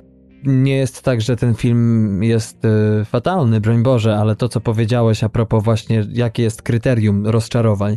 No właśnie to, że jednak sporo oczekiwałem, bo byłem jednym z tych wielbicieli talentu reżysera, którzy od dawien dawna twierdzili, jak tylko usłyszałem o planach e, dotyczących filmu, że w końcu, bo sztuka japońska czy styl japoński od zawsze czekał na Wesa Andersona. Hmm. Ale tutaj niestety ta surowość stylu do końca nie przysłużyła się filmowi. Taki fusion amerykańsko-japoński wyszedł z tego, ale psy są mocno, ale to mocno amerykańskie. Trochę zabrakło spoiwa. Dla mnie to nie zadziałało aż tak dobrze, chociaż y, wiele momentów było świetnych, no i film przepiękny. Ja tylko chciałem dodać, że, że ja też y, czułem taki lekki, nawet nie lekki, ale taki większy niedosyt. Tym bardziej, że no, jeśli chodzi o animację, to fantastyczny pan Lis Mhm. y, no, wysoko tutaj stawiał poprzeczkę. Jeśli chodzi o poprzednie produkcje reżysera i Tak, no, tak. To, to nie było nawet połowa tego poziomu. Tak jest. Numer cztery, ja e, jestem najlepsza, ja Tonia. To nie jest ten film, którego się spodziewałem. Naprawdę kolejny mój hype. Może to ja sobie sam jestem winien, ale miało być super dynamicznie, powalająca historia miała wyjść, a wyszedł taki trochę slapstick, taki jak to już do znudzenia powtarzam, feel good. Nie znaczy, że to źle, ale dla mnie to jednak w przypadku rozczarowania numer jeden też nie to zdarzenie i nie ta postać, nie ten kaliber w porównaniu do tego, co im wyszło, także no i postać matki trochę mnie wkurzyła, bo Alison Jennings um, jest świetną aktorką, zresztą zdobywa non-stop nagrody filmowe czy za występy telewizyjne, natomiast y, źle napisana moim zdaniem została postać matki w stosunku do tego, jaki wyszedł film, bo zrobili ją bardzo jednowymiarową, w zasadzie była tylko wredną wiedźmą. Brakowało mi jakiejś głębi, po prostu denerwowało mnie to, jak bardzo jej nie lubię, a mhm. ja jestem jednak z tej szkoły, która twierdzi, że jak postawisz kogoś na scenie, czy jak przed kamerą, to nadaj mu jakieś cechy ludzkie, nie? Żeby czegoś się nauczyć o nich. Także to. Numer 3, Disaster Artist. Nie skumałem kompletnie filmu, muszę jeszcze raz obejrzeć.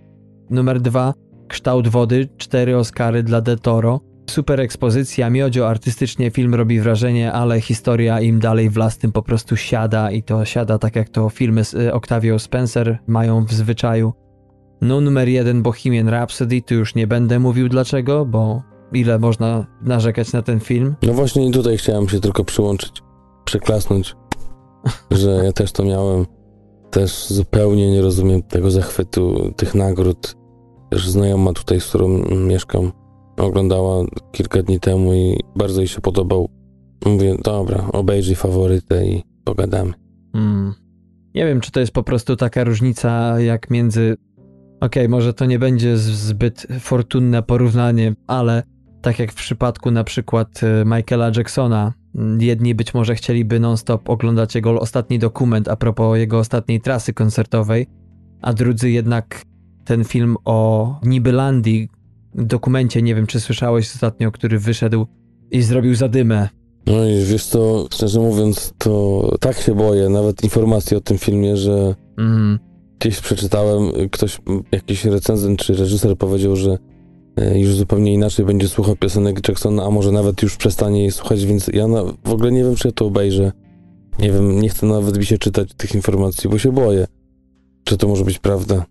No widzisz, nie wiem, czy nie mogę właśnie zastosować podobnej analogii między tym a Bohemian Rhapsody, bo tutaj też y, raz, że Bohemian, niedługo w tym roku wychodzi Rocketman, Dextera Fletchera, który przejął przecież reżyserię po Brianie Singerze, który dzisiaj jest y, raz, że oskarżany o molestowanie na wiadomo jakim tle, a dwa, podobno już sposobi się do reżyserii kolejnego filmu. A to warto dodać, że Rocketman będzie biografią Eltona Johna. Tak jest, y, Staronem Egertonem. Więc, y, no, mówię, wydaje mi się, że jednak Bohemian Rhapsody miało okazję, żeby zrobić coś naprawdę, naprawdę y, zmiatającego konkurencję z powierzchni. I położyło się totalnie, bez polotu. Jest jeszcze jeden film, który jest moim w pewien sposób rozczarowaniem, ale figuruje na liście najlepszych 10 filmów roku, także. Dobre. I jeszcze sobie o nim powiemy. A masz jakieś filmy, które byś wyróżnił? Takie, które. Może ja tylko powiem krótko. Mhm. Nieposłuszne, o którym był jeden z moich półodcinków, czyli Czyka Sebastiana Lelo, e, Lelio, za temat. Nie wiem, czy pamiętacie, był to film o dwóch kobietach z ortodoksyjnej kasty żydowskiej w rolach głównych Rachel Weisz, Rachel McAdams. E, więc tu za temat i chemię między aktorkami. No i śmierć Stalina, bo muszę wyróżnić jednak bardzo niecodzienną komedię ze świetną obsadą. Też był twój Paddy Considine. Pamiętam, jak się zachwycałeś tym filmem chyba na początku roku już. Wysokie oceny na Rotten Tomatoes 96% i ocena 8,1 na 10. Chyba dlatego, że po prostu rzadko mamy do czynienia z farsą na dużym ekranie. Anymore. I w końcu ktoś miał oryginalne podejście. A najlepszy moment z filmu to pijany syn Stalina i jego strzelanie. Nie wiem, czy pamiętasz, ale zawsze jak strzeli, to jakieś szkło się znajdzie na drodze nawet jeżeli zdradzam coś tutaj, to to po prostu trzeba zobaczyć. Ale już jest, yy, powiem ci, że nie pamiętam Aha. zupełnie, ale już mnie cieszy y, twarz, jak mówisz. Yy, ciekawy pomysł w ogóle, że gdzie strzeli to szkło. Moim zdaniem chyba jedna z tych rzeczy, które może są małe i nieważne, ale chyba najlepsze zaskoczenie tego roku, jeśli chodzi o taki myk e, filmowy. Hmm. Ktoś sobie tak po prostu to świetnie obrał za cel, że to będzie jego taki właśnie takie, takie coś, nie?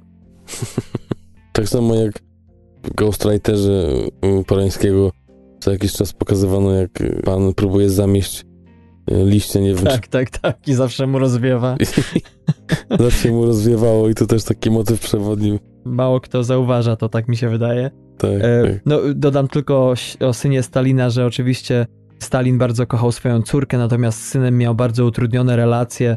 Ten lubił sobie popić, no i był oprócz tego pilotem i gdzie się nie pojawił tam siał totalne zamieszanie i ten film również bardzo ładnie go w dość oryginalny sposób ujął. No dobrze. E, moje wyróżnienia. Tak jest. Ja mam ich trochę za dużo. E, naprawdę. To tylko pierwsza setka. Tak. Te 894 filmy teraz się wymienię z tego roku, które obejrzałem, które tak na, na kimś robiły wrażenie, mówię o liście Scorsese. Tak, wy kochani myślicie, że żartuję, ale jak znam Patryka, to na pewno ma 300 filmów pod ręką. nie, nie, ale, ale... Które byś pogłaskał, przyznaj się. Wiesz to powiem tylko krótko, bo tu trzeba szybko, szybko do, do top 10, nie ma co tu przedłużać. Powiem tylko, y, jaki film i za co. Y, pierwszy reformowany za świetną rolę Etana Hawka. Mhm. Mm, bardzo malutki film ze świetną rolą. Mocny y, do przemyśleń i, i taki na czasie. Ethan Hawke gra księdza takiego po przejściach i w trakcie przejścia, powiedzmy tak, tak. Więc miał to zagrać. Drugi film to debiut reżyserski stand-upera, czyli po Burnama 8th grade, czyli ósma klasa, czy ósmoklasiści, nie wiem, 8th grade, nie wiem, czy to chyba nawet nie jest tłumaczone. W każdym razie świetny, jeśli chodzi o debiut, dużo pozytywów z mojej strony idzie w kierunku skupienia właśnie na szczegółach, na tym, jak obserwował tą ósmoklasistkę, zresztą przecież e, jest nominowana do Oscara, tak? Mhm, tak. Główna aktorka, e, oczywiście debiutantka też jest nominowana do Oscara za swoją rolę.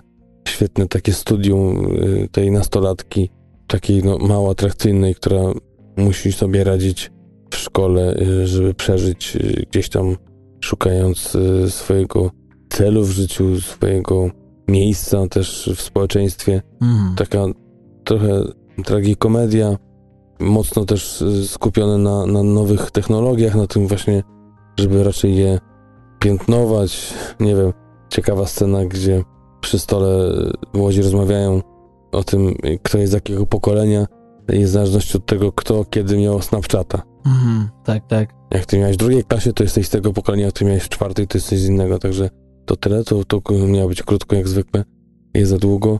Słuchaj, tylko ci przerwę, bo jednak nie ma ta aktorka nominacji Oscarowej. A, to nie było blisko, ale... Pewnie miała Global. Też mi się to... wydawało, gdzieś mignęła, chyba w Globach. To w Globach pewnie, no. Kolejne wyróżnienie to malutki też film wytwórni HBO, opowieść The Tale z Lauren Dern mhm. i Elizabeth Debicki. E, świetnie studium e, kobiety dorosłej już takiej koło pięćdziesiątki, która wraca gdzieś głową i tak naprawdę całą emocją swoją i, i fizycznie podróżuje do miejsc swojego dzieciństwa i odkrywa traumę, którą przeżyła, a której nie była świadoma. Niesamowity, moim zdaniem, podejście do tematu właśnie takich traum dziecięcych, nastoletnich zupełnie, z zupełnie innej strony. Także dobra, to miało być krótko to to.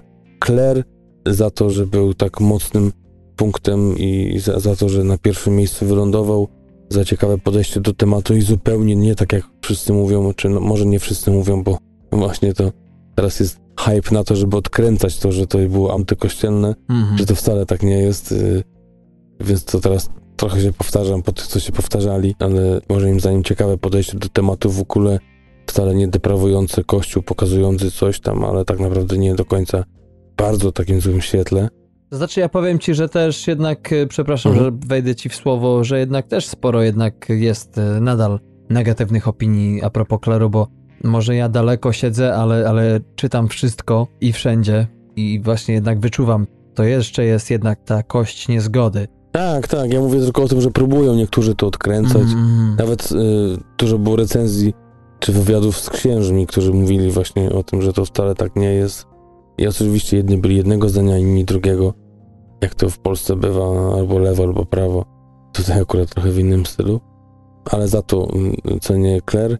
Atak Paniki za świetną komedię na, na, na niesamowitym poziomie, oryginalną polską historię, naprawdę fajna rzecz. To o tym było też sporo w zeszłym roku, więc tutaj też za dużo nie powiem. A propos Netflixa, to Wieczór Gier, y, niesamowity, świetna komedia, zaskoczenie moim zdaniem.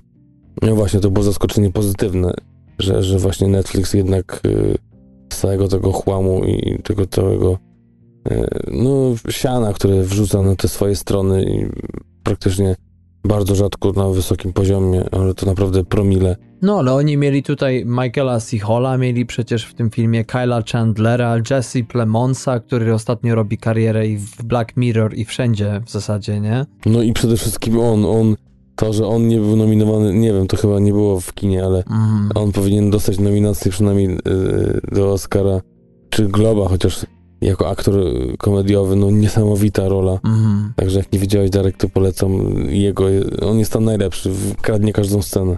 Powiem ci, że ja naprawdę, to znaczy tego aktora, o którym zaraz powiem, w zasadzie nie ma jak zastąpić, ale to jest taki mój nowy może Philip Seymour Hoffman.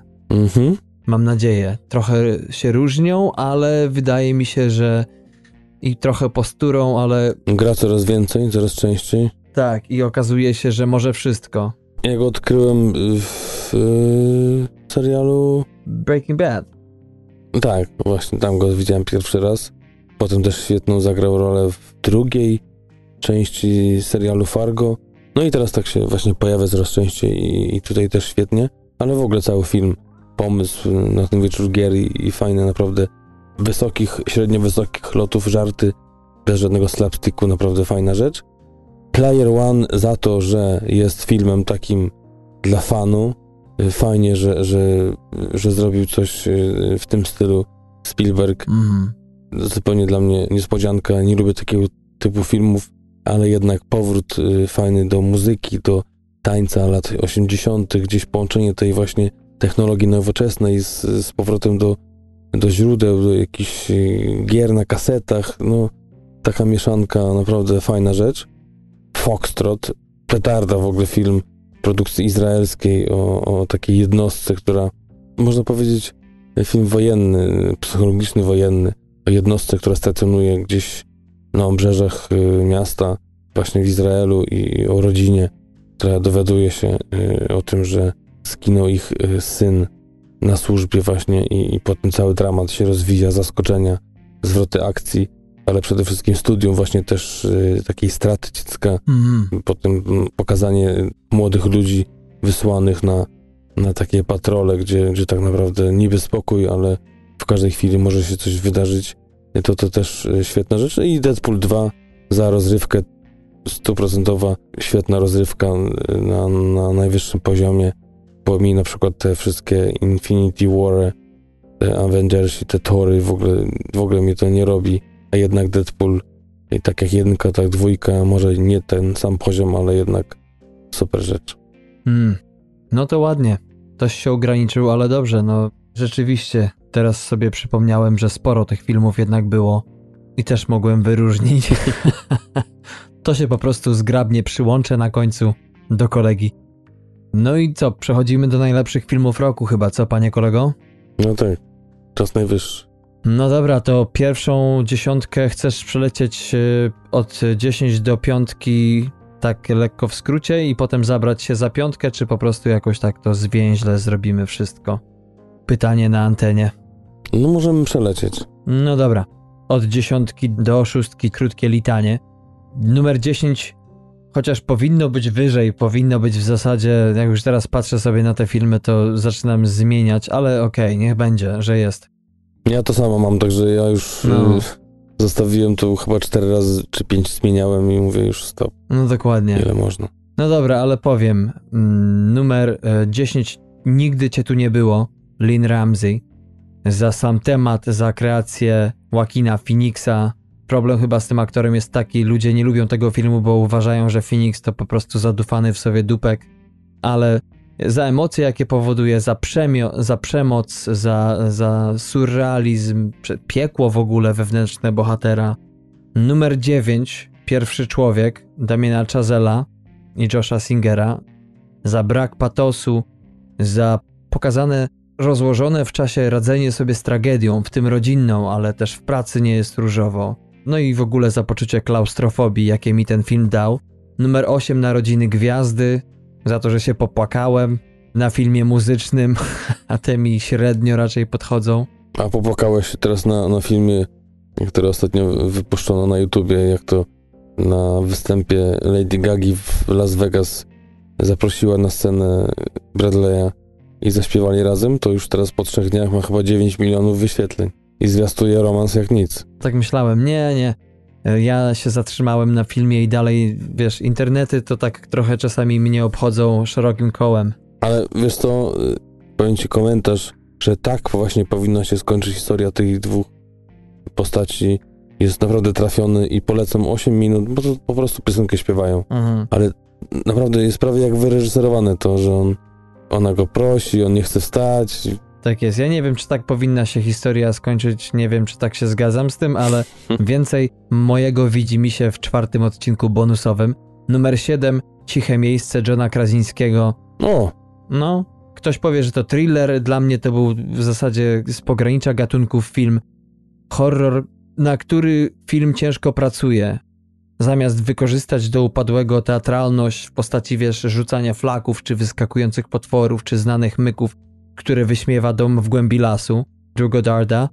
Ktoś powiedział, że ten film jest o odgłosach strachu, e, że to jest ten dźwięk, to jest ta podwalina tego filmu, że tam nie ma ciszy. No i za aktorstwo. Kreacje Blunt, ale i John Kraziński dla mnie potrafił całe szczęście wydostać się z szuflady Jima z The Office. A numer 6... A, przepraszam, ja muszę się wbić. Mhm. A to z tego, z tego e, powodu, że Powiedziałem o, bo u mnie na siódmym miejscu jest też ciche miejsce, więc nie będę potem do tego wracał, y, tylko się przyłączę. Y, też strasznie mi się podobał właśnie sam konspekt, pomysł potworów, które gdzieś reagują na dźwięk. Mm. Ta chemia widać, y, że to jest jednak małżeństwo, że to nie jest z niczego.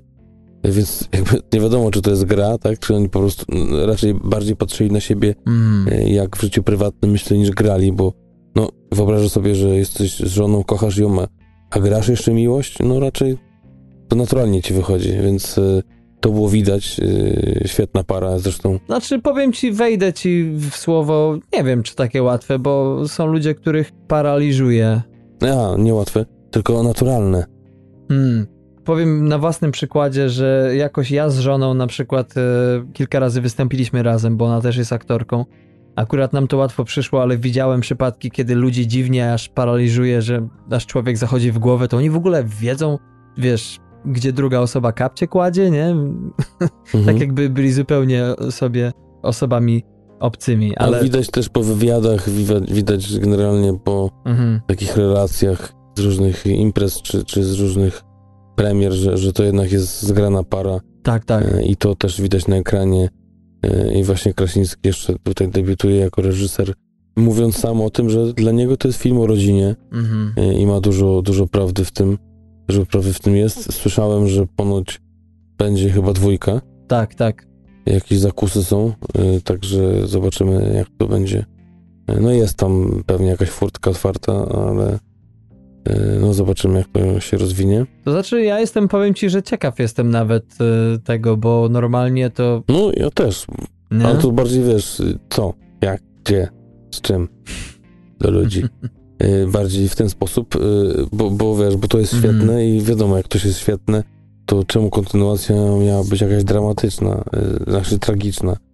Więc zawsze mam nadzieję, tym bardziej, że, że, że wydaje się, że przy takich filmach to no jest tam miejsce na, na jakąś kontynuację i może podanie czegoś w inny sposób, mm. może dodanie czegoś, nie? No tak, tak, yy... oczywiście. Poza tym, wiesz, już nawet w głowie sobie tworzę ten świat, co się działo, wiesz, niedługo potem, nie? Tak, tutaj też było mocno kameralnie, mm. w związku z tym, że, że pokazywali tylko tą jedną rodzinę. Tak, tak, tak. Yy, jeżeli ktoś się pojawiał, to dosłownie na sekundę Tak. E, Nie będę spoilował dlaczego, e, ale w cudzysłowie sekundę, ale to, to dłużej nie trwało. Tak. Na pewno nie przyszli po jabłka. E, A wiesz, można ten świat rozbudować o kolejne osoby, Mhm. chociaż no, można zrobić potem Walking Dead, ale, ale mam nadzieję, że to nie będzie tak, że się przeradzi w końcu w, w serial. To, to, to dobrze, to tylko dodałem, żeby potem, nie będę już po prostu potem komentował, więc jedno mi odpadnie.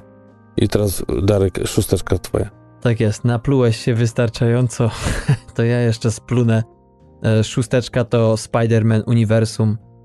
Tak jak e, Deadpool w zeszłym roku był zaskoczeniem im plus a propos filmu akcji, ale tutaj oczywiście mówimy o dwóch różnych gatunkach.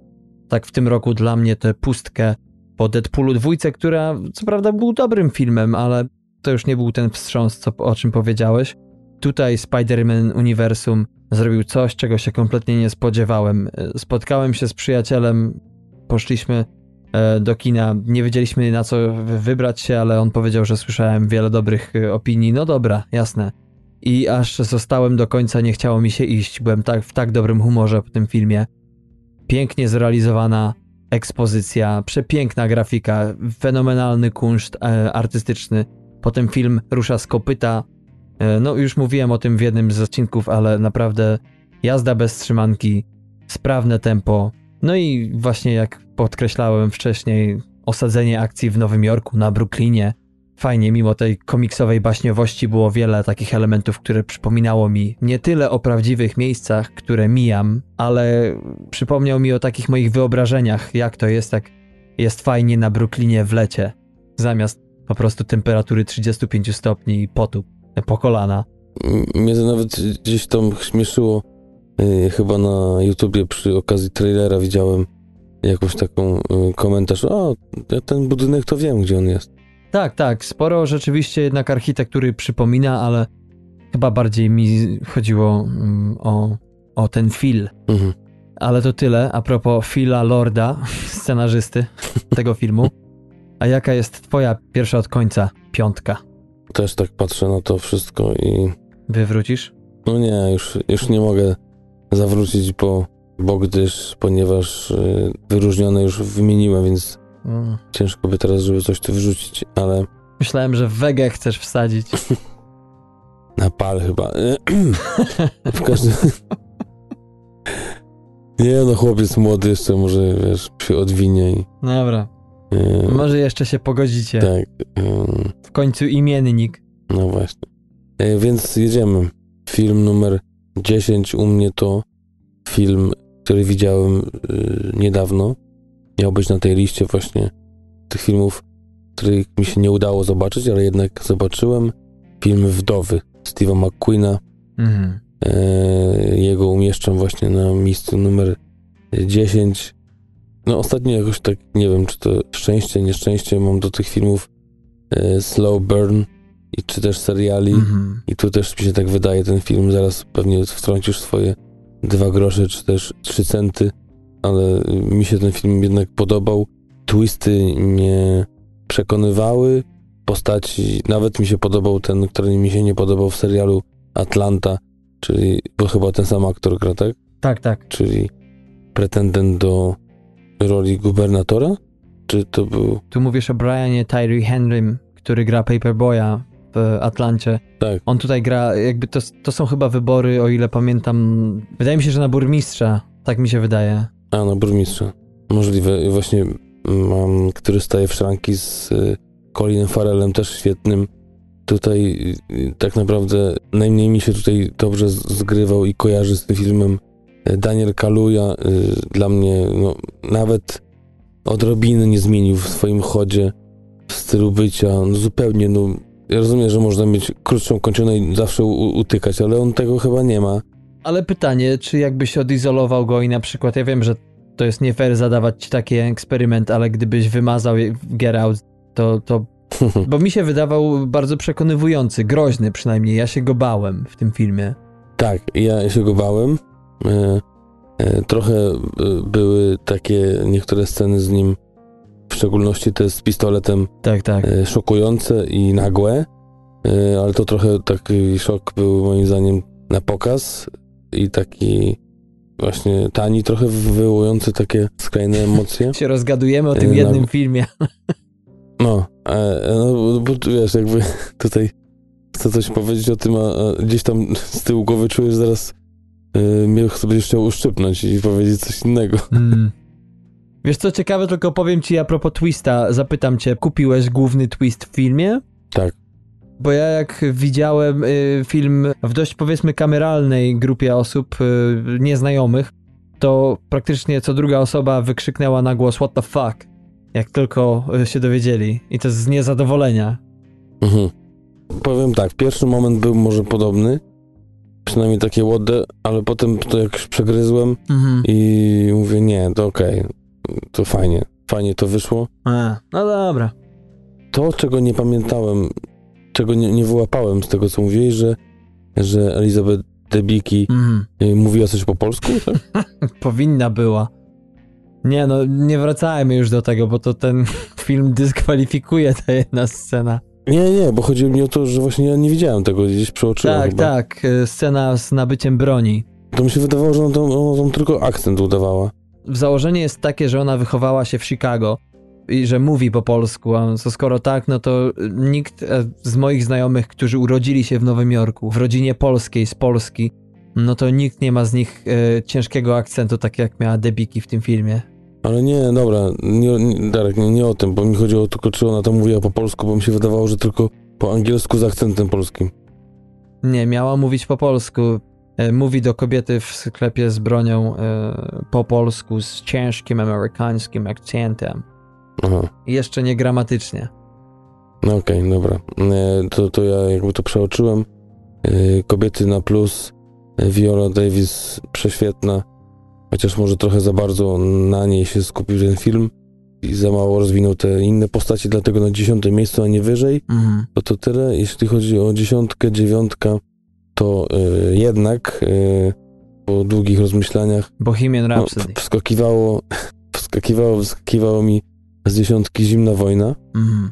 Zimna Wojna za, za to, że, że zaczynam, tak jak ci powiedziałem, po mm, emisji tego filmu, z czasem do mnie dochodzi, dojrzewa, y, jak ten y, ser długo dojrzewający y, balcerzak.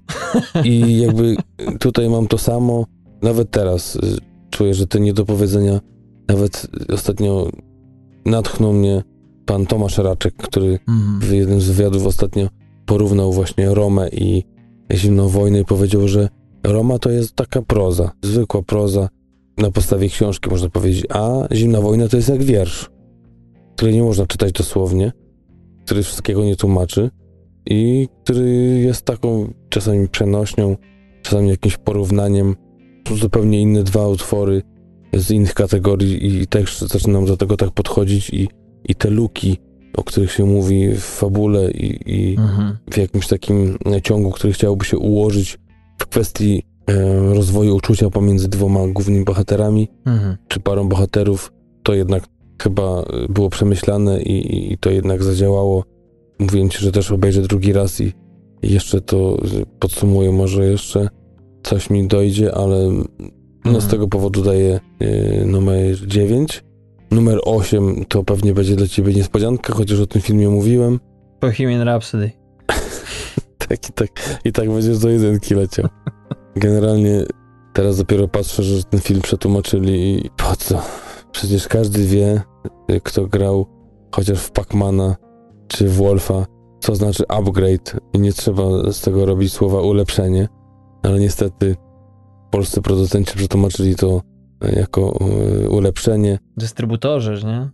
Dystrybutorzy, tak. Dystrybutorzy oczywiście. Ym, Film Lee y, Wanella ma ocenę 7,6 na IMDb. Y, Jest to też mały, y, zupełnie niepozorny film science fiction, y, film akcji, thriller, trochę też z horroru ma o facecie, który po wypadku zostaje przywrócony do życia i zdrowia Mhm. takiego ponadprzeciętnego przy pomocy pewnej bakterii czy pewnego robaczka, który wchodzi do jego głowy, do jego organizmu i zmienia go w taką nawet można powiedzieć maszynę do zabijania i to jeszcze wbrew jego woli. Mhm. To tylko tyle o, o fabule.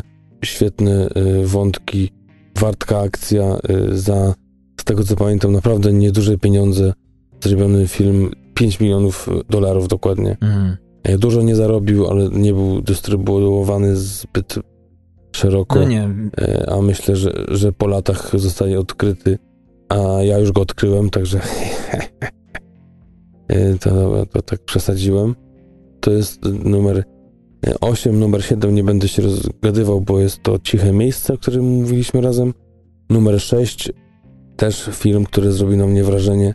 Nie wiem, tak patrzę sobie na, te, na tą swoją dziesiątkę, że tak jakbym przygarniał takie biedne dzieci yy, schorowane, bo, bo takie same malutkie filmy albo, mhm. albo zupełnie nie, nie mrawe takie pozycje wybieram. Private Life, czyli mocno kameralną y, historię o parze, w które to w y, rolę wcielają się Paul Giamatti i Catherine Hahn. Reżyserem jest, y, czy reżyserką bardziej Tamara Jenkins.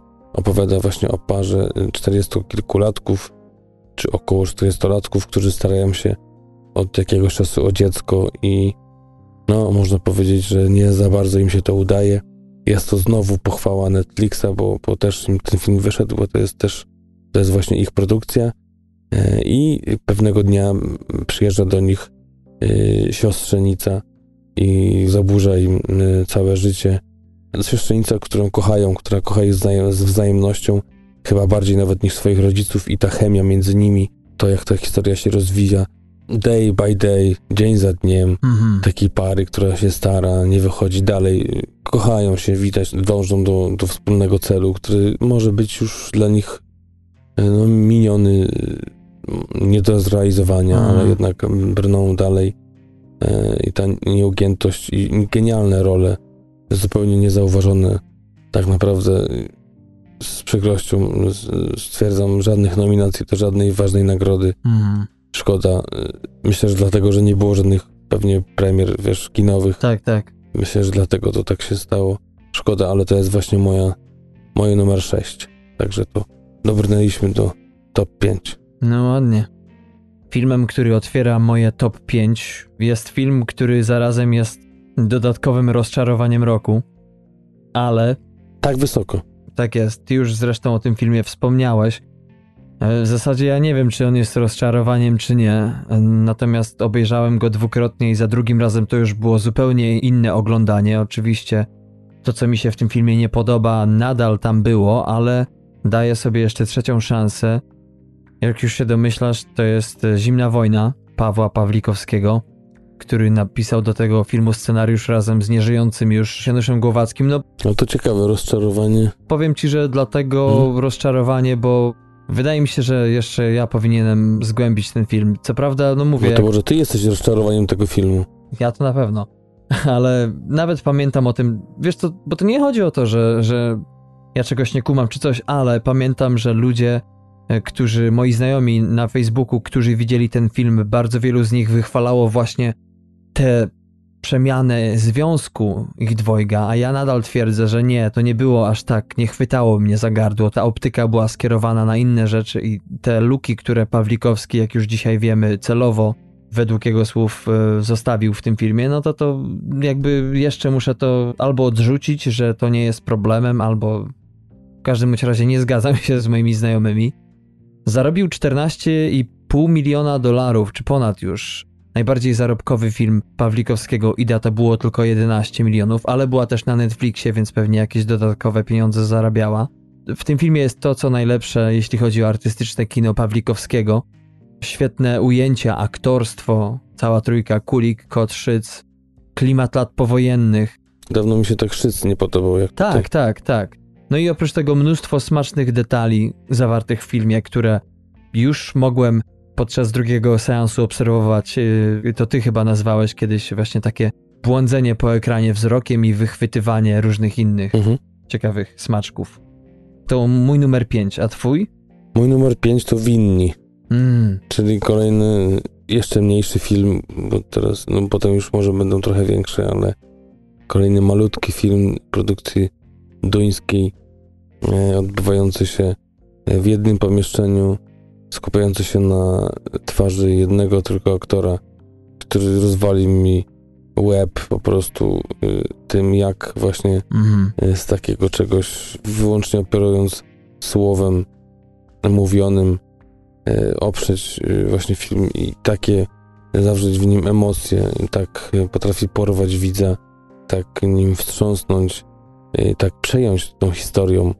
Y, Jest to historia policjanta, który trafia na jedną zmianę na pogotowie i tam właśnie odbiera telefony od kolejnych y, osób potrzebujących pomocy na numer 112 Mhm. i w trakcie tej jednej zmiany y, raz, że poznajemy jego historię, e, dwa, y, śledzimy losy y, kobiety, która dzwoni i podaje informację, że została prawdopodobnie porwana i to jak główny bohater przełamując swoje słabości, Mhm. próbując y, też trochę zadośćuczynić chyba y, za, za swoje uczynki, pomóc, próbuje tej, pomóc tej kobiecie y, wszelkie możliwe sposoby i właśnie wykorzystuje do tego tylko telefon, słuchaweczkę małą i no, mimikę twarzy i, i też te emocje, które są po drugiej stronie telefonu.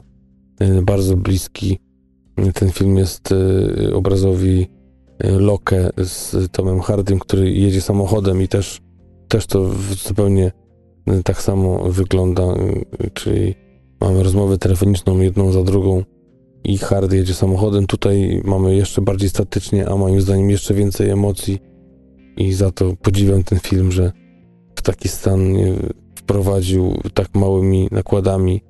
Ocena 7-6 to był kandydat y, toński do Oscara. No, w końcu tej nominacji nie, nie uzyskał, ale wiele nagród e, w minionym roku otrzymał i e, też laury i uznanie krytyki, więc to jest mój numer 5. Nice, nice. Jak to mówią u nas na wschodzie. A czwóreczka, co u ciebie otarło się o podium? U mnie u podium otarł się film Rider. The Rider. Mhm. Nie widziałem. Zapomniałem dodać. Żałuję. E, film opowiadający o chłopaku młodym, dwudziestokilkuletnim, który, jak to się tarko mówi po amerykańsku, e, zajmuje się rodeo, prawie rodeo i jeździ na rodeo, jak to się mówi. Ujeżdża konie. nie wiem. E, żeby dodać do tego słowo rodeo, a- nie rodo, mm. No widzisz. Koniuszy to też nie słowo. E, nie, po prostu... E, no dobrze, jest jeźdźcem, niech będzie. Niech będzie. je, jeździć rodeo, tak? Jeździec rodeo. No. Ale um, uprawia to, czy No mam nadzieję. na Znaczy, pewno pielęgnuje gdzieś w sobie. Mm. E, Ale generalnie mm, myślałem, że powiedziałeś w szopie, przepraszam. Mamy tutaj. Yy, no ale wiesz, są takie sceny, gdzie mm, siedzi na takim sz- sztucznym. Nie śmiej się, gdzie siedzi na sztucznym takim sklepowym, wiesz, yy, rumaku, czy też byku, mhm. yy, gdzie tam za piątaka wrzucisz i gdzieś tam się potelepiesz. Yy, ale to tak mocno telepie i to też może być w szopie ustawione, ale dobra, no nieważne. No. Chciałem powiedzieć, że to nie jest takie niemożliwe, żeby to uprawiać w szopie. No tak. Dobra, zejdźmy z tej szopy, wyjdźmy z tej szopy. Jeździec. Genialna historia oparta na faktach. Co więcej, gościu, który gra główną rolę, właśnie na jego historii oparty jest ten film. Yy, Jego ojca gra jego ojciec, jego siostrę gra jego siostra. Nie mówiąc o koniu. Też wciela się w konia. Więc wszystko tu gra, wszystko jest prawdą. I koń mu najlepiej wychodzi. I koń mu y, najlepiej spod siodła wychodzi. Generalnie mamy sytuację taką, że mamy. No bo generalnie jest to na IMDB jako western, ale no. No tak, no, kowboje, y, ostrogi, kapelusze y, i tego typu sprawy, adrenalina, połamane kości, żebra, paraliż. Tak, to jest western. Dramat młodego jeźdźca rodeo, No właśnie, bo my tu tak żartujemy. Właśnie, dramat młodego jeźdźca rodeo, który po ciężkim wypadku y, jest zmuszany przez lekarzy, żeby zaprzestać y, tego zawodu, żeby zmienić, przekwalifikować się. Y, a on nie potrafi, on musi to, ma to we krwi próbuje do tego wrócić. Przez to ma też kłótnie z rodziną, z ojcem, który nie chce, żeby do tego wrócił. Niesamowita ta walka ze sobą. Yy, surowe takie ujęcia. Trochę przypominał tajemnicę Brokeback Mountain taką swoją teksturą. Yy, zupełnie inne podejście. Tutaj raczej taki, no, uczuć takiej miłości nie było, żadnego romansu zbytnio. Nie ma, jest to zamknięty w sobie chłopak. Zresztą oczywiście debiutant, yy, który zachwycił reżyserkę Chloe Zao właśnie spotkała się z nim kilka miesięcy wcześniej i potem zdecydowali razem, że zrobią ten film, potem, że on tą rolę zagra. Także no, mhm. genialny film, polecam y, wszystkim. To jest no, mój numer cztery i Darku oddaję ci głos. Przepraszam cię, ale otrzymałem tweeta, że następny Batman Mata Reevesa otrzymał oficjalną datę premiery czerwiec 2021. Oby jeszcze przesuwali dalej. 22 na. Ale to tyle. Wybacz, y, jeśli chodzi o mój numer 4, to mamy tutaj film z roku 2017, ale premierę w Polsce miał już w 18. To tamte dni, tamte noce Jamesa na podstawie scenariusza Jamesa Ivory'ego. Jak ktoś y, nie zna tego pana, to być może widział takie filmy jak Powrót do Howard's End, czy Okruchy Dnia, czy Pokój z widokiem. Facet, który na koncie ma Oscara. Reżyserem tamtych dni, tamtych nocy był Luca Guadagnino, o którym traktuję mój ostatni półodcinek z zeszłego roku. No i w obsadzie mieliśmy tutaj Timothy Chalameta, Arnie Hammera, Michaela Stuhlbarga, którego to nomen omen był rok, bo zagrał w kilku filmach nominowanych do Oscara w zeszłym roku, w sensie za 2017, w 2018, między innymi także w, zagrał w kształcie wody. E, no i cóż, powiedzieć o tym filmie. Cztery nominacje do Oscara za film Timothy Chalamet, piosenka, scenariusz adaptowany, za który James Ivory otrzymał Oscara. E, ktoś napisał o tym filmie, że film ten zabiera morele tam, gdzie jeszcze nigdy nie były. I chyba to jest e, najlepsze podsumowanie tego filmu. Dla wtajemniczonych oczywiście. Jest to historia miłosna nie tyle ponadczasowa, czy nie tylko nawet ponadczasowa, ale ponad podziałami. Znaczy to na pewno była, przepraszam, bo tak przetrawiam te morale dosłownie i w przenośni i myślę, to była pozytywna opinia czy negatywna? E... Ambiwalentna. Zostawię cię z tym pytaniem. Być może dojdziesz do jakichś zaskakujących wniosków. E, nie będę ci swoich myśli wkładał. Prędzej ta morala zgnije, niż, niż ja będę dalej o tym myślał. Nie wiem, czy to ma drugie dno, to co powiedziałeś, ale ruszamy dalej historia miłosna nie tylko ponadczasowa, ale także ponad podziałami. Wątek homoseksualny, no, dla wielu osób e, no, jest to temat, z którym w ogóle nikt się nie chce zmierzyć, a ja uważam, że jeżeli już zrobić film o takim temacie, który przełamuje bariery kanonu, to w taki sposób przepiękny film o pierwszej miłości, o melancholii, o wewnętrznych rozterkach, wszystko to skąpane w drogim mojemu sercu, mimo iż nigdy tam nie byłem, pejzażu włoskiej prowincji. Fenomenalne aktorstwo, świetna końcówka. W ogóle film web, nie wiem czy kojarzysz, ale on rozdaje swoje nagrody raz na jakiś czas i nagrodził ten film za scenę końcową i monolog ojca. Także wielkie brawa, slow burn, ale jaki. Scena końcowa to jest mind-blowing, ale to mojej oceny nie zmienia akurat tego filmu. Hmm. Ale Chalamet swoją twarzą tam zagrał wszystko od Gwiezdnych Wojen przez Jurassic Park do Wybór Zofii. Mm. Niesamowite. Fakt. Mm. E, zasnąłem na chwilę.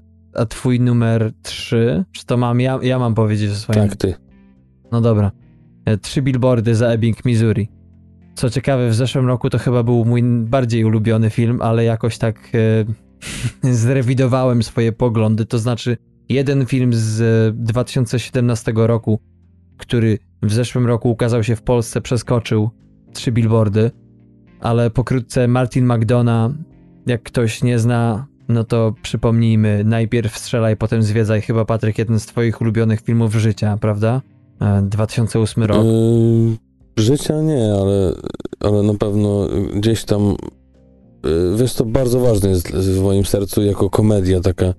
Ja to lubię być zaskakiwanym i właśnie Colin Farrell tam się tak ukazał y, z tym swoim niesamowitym talentem. Mhm. Film, który mnie doprowadził do jednego z miast mojego życia. O, to tak na pewno, bo, bo do Brusz, do Brugi pojechałem mm, zainspirowany tym filmem i tam wypiłem kawę nawet w tej kawiarni gdzie Farel, ale dobra, bo to nie o tym filmie. No nie. E, A to było jeszcze przed tym, jak zaczęliśmy nagrywać podcast, prawda? No to był gdzieś 2010. A, nie, no to nie było tematu. No. E, No i siedem psychopatów tego samego reżysera i tu kolejny film z jego stajni, żeby kontynuować motyw konia. W obsadzie Frances McDormand, Sam Rockwell, czyli dwa Oscary, plus Woody Harrelson, Złoty Glob za film scenariusz i także dla dwójki wspomnianych aktorów e, Frances i Sama. No i siedem nominacji łącznie. Wzruszające momenty w tym filmie, wspaniałe aktorstwo, połączenie dramatu z komedią. Od e, takiej komedii, którą widać nawet podczas e, starć, utarczek słownych, no, na dość zaskakującym, jak na ten film, poziomie w domu. Oprócz tego, oczywiście, wątek główny, czyli samego nieszczęścia, bo oczywiście przypomnijmy, że ten film polega na tym, iż matka, czyli Frances McDormand, stara się odkryć, kto stoi za morderstwem córki w dość y, niekonwencjonalny sposób za pomocą wynajęcia billboardów w swojej miejscowości. Próbuje dociec prawdy, poruszając y, niebo i ziemię wokół, prawda? Będąc wielkim problemem dla szeryfa. No szczególnie mając pretensje do szeryfa. Tak jest, tak, tak, tak. Szeryf Woody Harrelson tutaj rzeczywiście ma z nią ostro na pieńku. Przeciw? Jedynie to, że Frances McDormand dostała Oscara, bo nie wątpię w jej talent, jestem fanem jej talentu, ale tak jak powiedziałem już e, niejednokrotnie na naszej antenie, otrzymała Oscara za w zasadzie to, co zawsze gra. Choćby na przykład Olive Kittredge. Ta jej postać z tego filmu to jakby bardziej wyrozumiała i z troszeczkę większym poczuciem humoru siostra e, Olive, e, ale bliźniacze role prawie. No i były kontrowersje związane z rasizmem e, w Stanach, e, że, że tam generalnie, już nie chcę w to wchodzić, ale to tak jak prawie z e, Idą czy Pokłosiem w Polsce, tam mi to nie zrobiło kompletnie. Mocna trójka, naprawdę jedna z lepszych komedii i po Brugi, In Bruges, McDonough, kolejny mocny ogier w stajni. No dobra, no to ja, tak samo jak przy okazji, tak wyszło, że znowu ty powiedziałeś ten film pierwszy, to tak jak przy okazji cichego miejsca, to od razu dołożę dwa grosze, żeby się potem nie wracać do tego samego. To jest dla mnie drugie miejsce y, z zeszłego roku. Dodam od siebie tylko świetną scenę. Peter Dinklage. Jeszcze raz mi spojrzysz w moje notatki. Y, Dodam do tego Petera Dinklage'a i scenę z Frances McDermott, kiedy podjeżdża do nich policja i generalnie sceny między tą dwójką y, przekomiczne, niesamowite, wzruszające i zabawne. Y, Do tego świetne połączenie właśnie dramatu i komedii, wykorzystanie tego takiego zadziorstwa McDormand, którego to ja nie potępiam. Po prostu zagrała siebie, ale idealnie wpasowano, więc jakby inaczej moim zdaniem nie, powin- nie mogła tego zagrać, tylko właśnie ta, tak jak to zrobiła i tu pasowało to idealnie i moim zdaniem Oscar zasłużony i właśnie za tą rolę Harrelsona było szkoda, bo świetna rola, ale sam to jest mój sam i za niego trzymałem kciuki. Jak nie wiedzieliście, to pozycja obowiązkowa na 1000% i pamiętam w zeszłym roku Darek, wtedy chyba miałeś to na pierwszym miejscu. Ja też byłem bliski tego, żeby zrobić to samo w tym roku, ale niestety, yy, czy stety, coś yy, pojawiło się innego Mhm. i wskoczyło na to miejsce, więc to tyle o tym. A moje trzecie miejsce to faworyta mojego jednego z ulubieńców, czyli Jorgosa Lantimosa, który, tak jak powiedziałem w poprzednim odcinku, trochę y, moim zdaniem zagrał tutaj jako, czy nie zagrał, tylko siedział sobie na ławce trenerskiej jak trener Realu Madryt i obserwował, co się dzieje, ale tak jak też powiedziałem, że jednak te panie trzeba było jakoś tam poustawiać na tym planie, same pewnie się nie rozstawiały i nie panoszyły, to też się powtarzam. Świetny film, komedia na niesamowitym poziomie Mhm. tak jak ostatnio wspomnieliśmy, po pięciu, sześciu minutach y, na początku już przewijałem i cofałem te gagi, y, które przytrafiały się Emmie Stone, za której za które właśnie te chyba 6 minut, ale i potem też y, za genialne sceny dałbym Oscara w ciemno i za nią trzymam kciuki, jeśli chodzi o właśnie mhm. galę, która 24 lutego już będzie się działa. Mhm.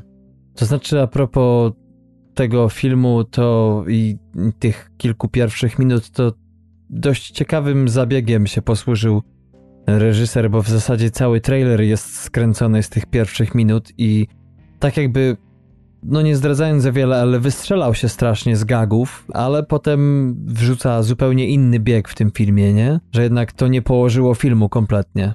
Tak, zupełnie zmieniło tory. Trochę też byłem tak e, wybity z tropu po tych pierwszych minutach, potem e, coraz mniej tych gagów, coraz mniej. Ta historia zrobiła się coraz bardziej dramatyczna taką rywalizacją się stała, a na początku było takim fajnym, inteligentnym żartem, taką dygresją od dygresji na temat i bez. I wszystko to ładnie grało, nawet takie niewyszukane żarty to też idealnie się wpasowywały, ale potem zupełnie inne tory, potem wszystko skręciło w, w stronę Olivii Colman, która przejęła chyba cały ciężar filmu i to potoczyło się w innym kierunku też dobrze, ale inaczej i tylko dlatego to znaczy ciężko powiedzieć, że tylko dlatego mhm. jest na trzecim miejscu, bo billboardy i ten film, który jest na pierwszym, to są y, y, niesamowite, genialne y, filmy, więc no chyba to nic by nie zmieniło, jakby coś tu Lantimos pozmieniał. Ważna rzecz jest taka, że to jest jego bodajże pierwszy, a na pewno jeden z ważniejszych filmów, które wyreżyserował, ani napisał scenariusze. Mm, tak. Także y, tak to u niego w, wcześniej było przy okazji Kła, czy Lobstera, czy też zabicia y, świętego Jelenia, że jednak to były autorskie projekty i właśnie reżyseria i scenariusz zawsze y, u niego szło w parze. Tym razem mnie jeszcze na początku chyba swojej kariery pierwszy film to był taki, gdzie praktycznie tego scenariusza nie pisał, ale potem to już te pełnometrażowe były, tak jak powiedziałem. Mhm. I właśnie trochę nie widać tego, moim zdaniem, przez to, że, że mocno ten film jest oparty na scenariuszu, na dialogach genialnych zresztą. Y, nie widać zbytnio tego jego stylu, takiego frykowego, y, oryginalnego, szokującego. Też były takie sceny, ale jakby trochę złagodzone właśnie tym scenariuszem mhm. i, i, trochę tak y, łagodny Lantimos, który też doczekał się y, nominacji do Oscara za scenariusz, więc myślę, że on tam nie narzeka akurat. No, po Lobsterze, wiesz, przyszedł czas na bardziej jeszcze niszowy film, czyli Zabicie Świętego Jelenia, więc teraz y, jednak, no, to była pora dla niego, żeby w końcu wejść na te salony na dobre mieć coraz lepszy budżet, coraz kogokolwiek by on sobie tam nie zażyczył do filmu.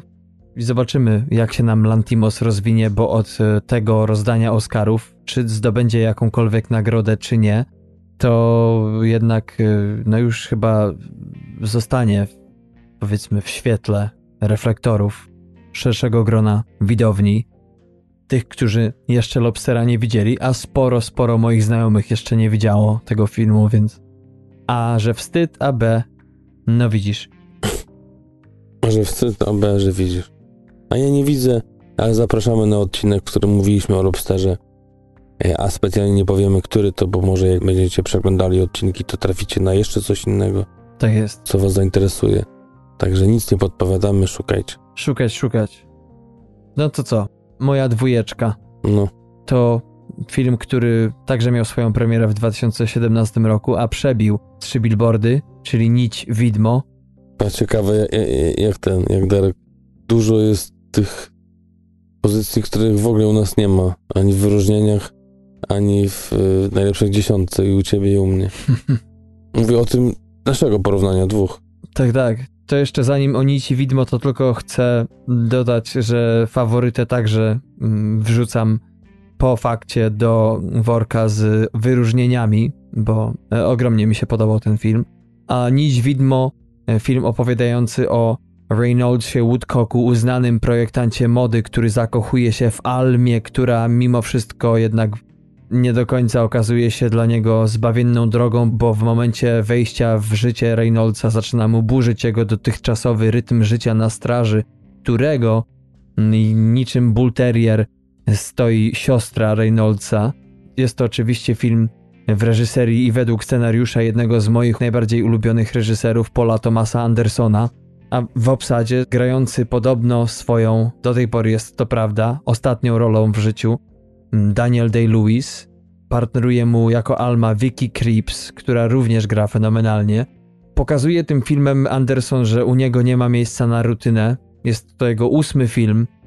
Ja mocno mu kibicuję jego kolejnym projektom. E, to, co mnie e, ujęło w tym filmie, to przede wszystkim to, że z jednej strony mamy mocno złożone, jednocześnie delikatne kreacje, i to nie tylko kostiumowe, ale także i postaci, bo i w Almie, i w Reynoldsie widzimy, chociaż czasem musimy wytężyć wzrok i nastroić słuch, te warstwy ich osobowości, z których się obdzierają im dalej w, w las. No i w ogóle to, że Woodcock traktuje tkaniny z najwyższym pietyzmem, któremu nie pamiętam kto to napisał, ale temu pietyzmowi dorównuje oschłość, z jaką traktuje Reynolds najbliższemu otoczenie, ocierające się o pojęcie socjopatii, coś w tym jest.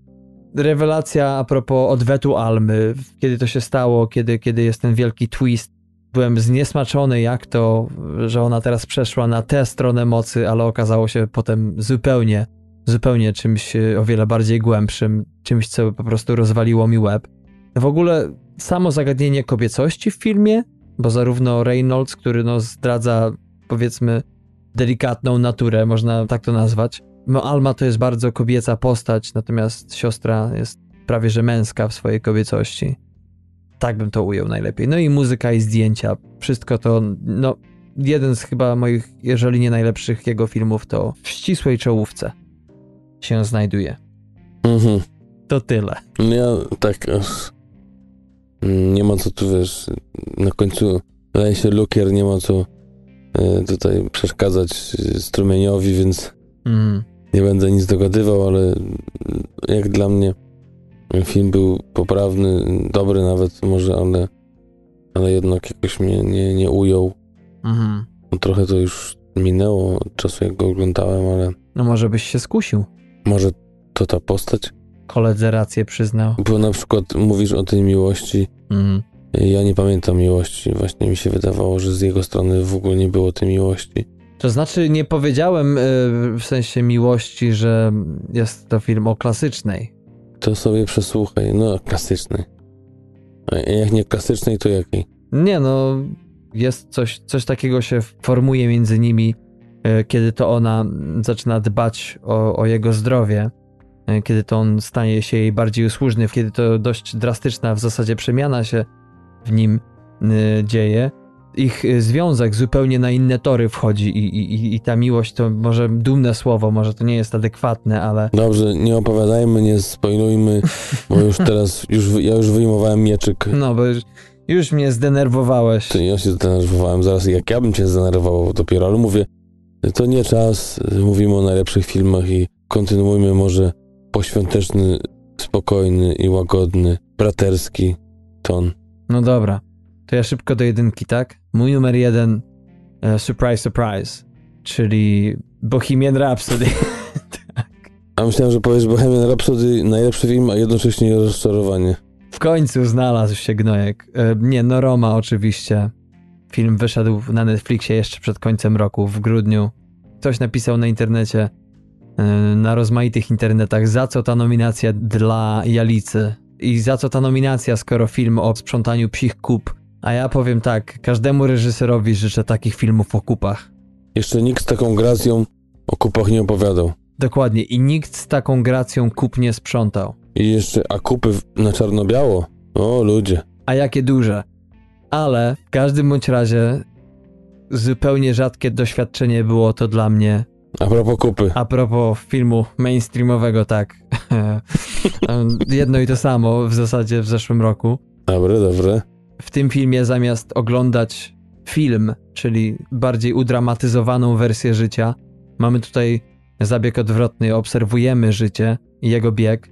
No i Netflix, jak i osoba reżysera sprawiły, że kino zmienia się, że odchodzi od przegadanego, przerobionego mainstreamu. E, no mówię, może rok nie jest rewelacyjny, ale potrzeba takich filmów właśnie jak Roma, które nie będą przeintelektualizowane, przegadane. Jedna jaskółka, Darku. Mówię, że jest potrzeba i że very good.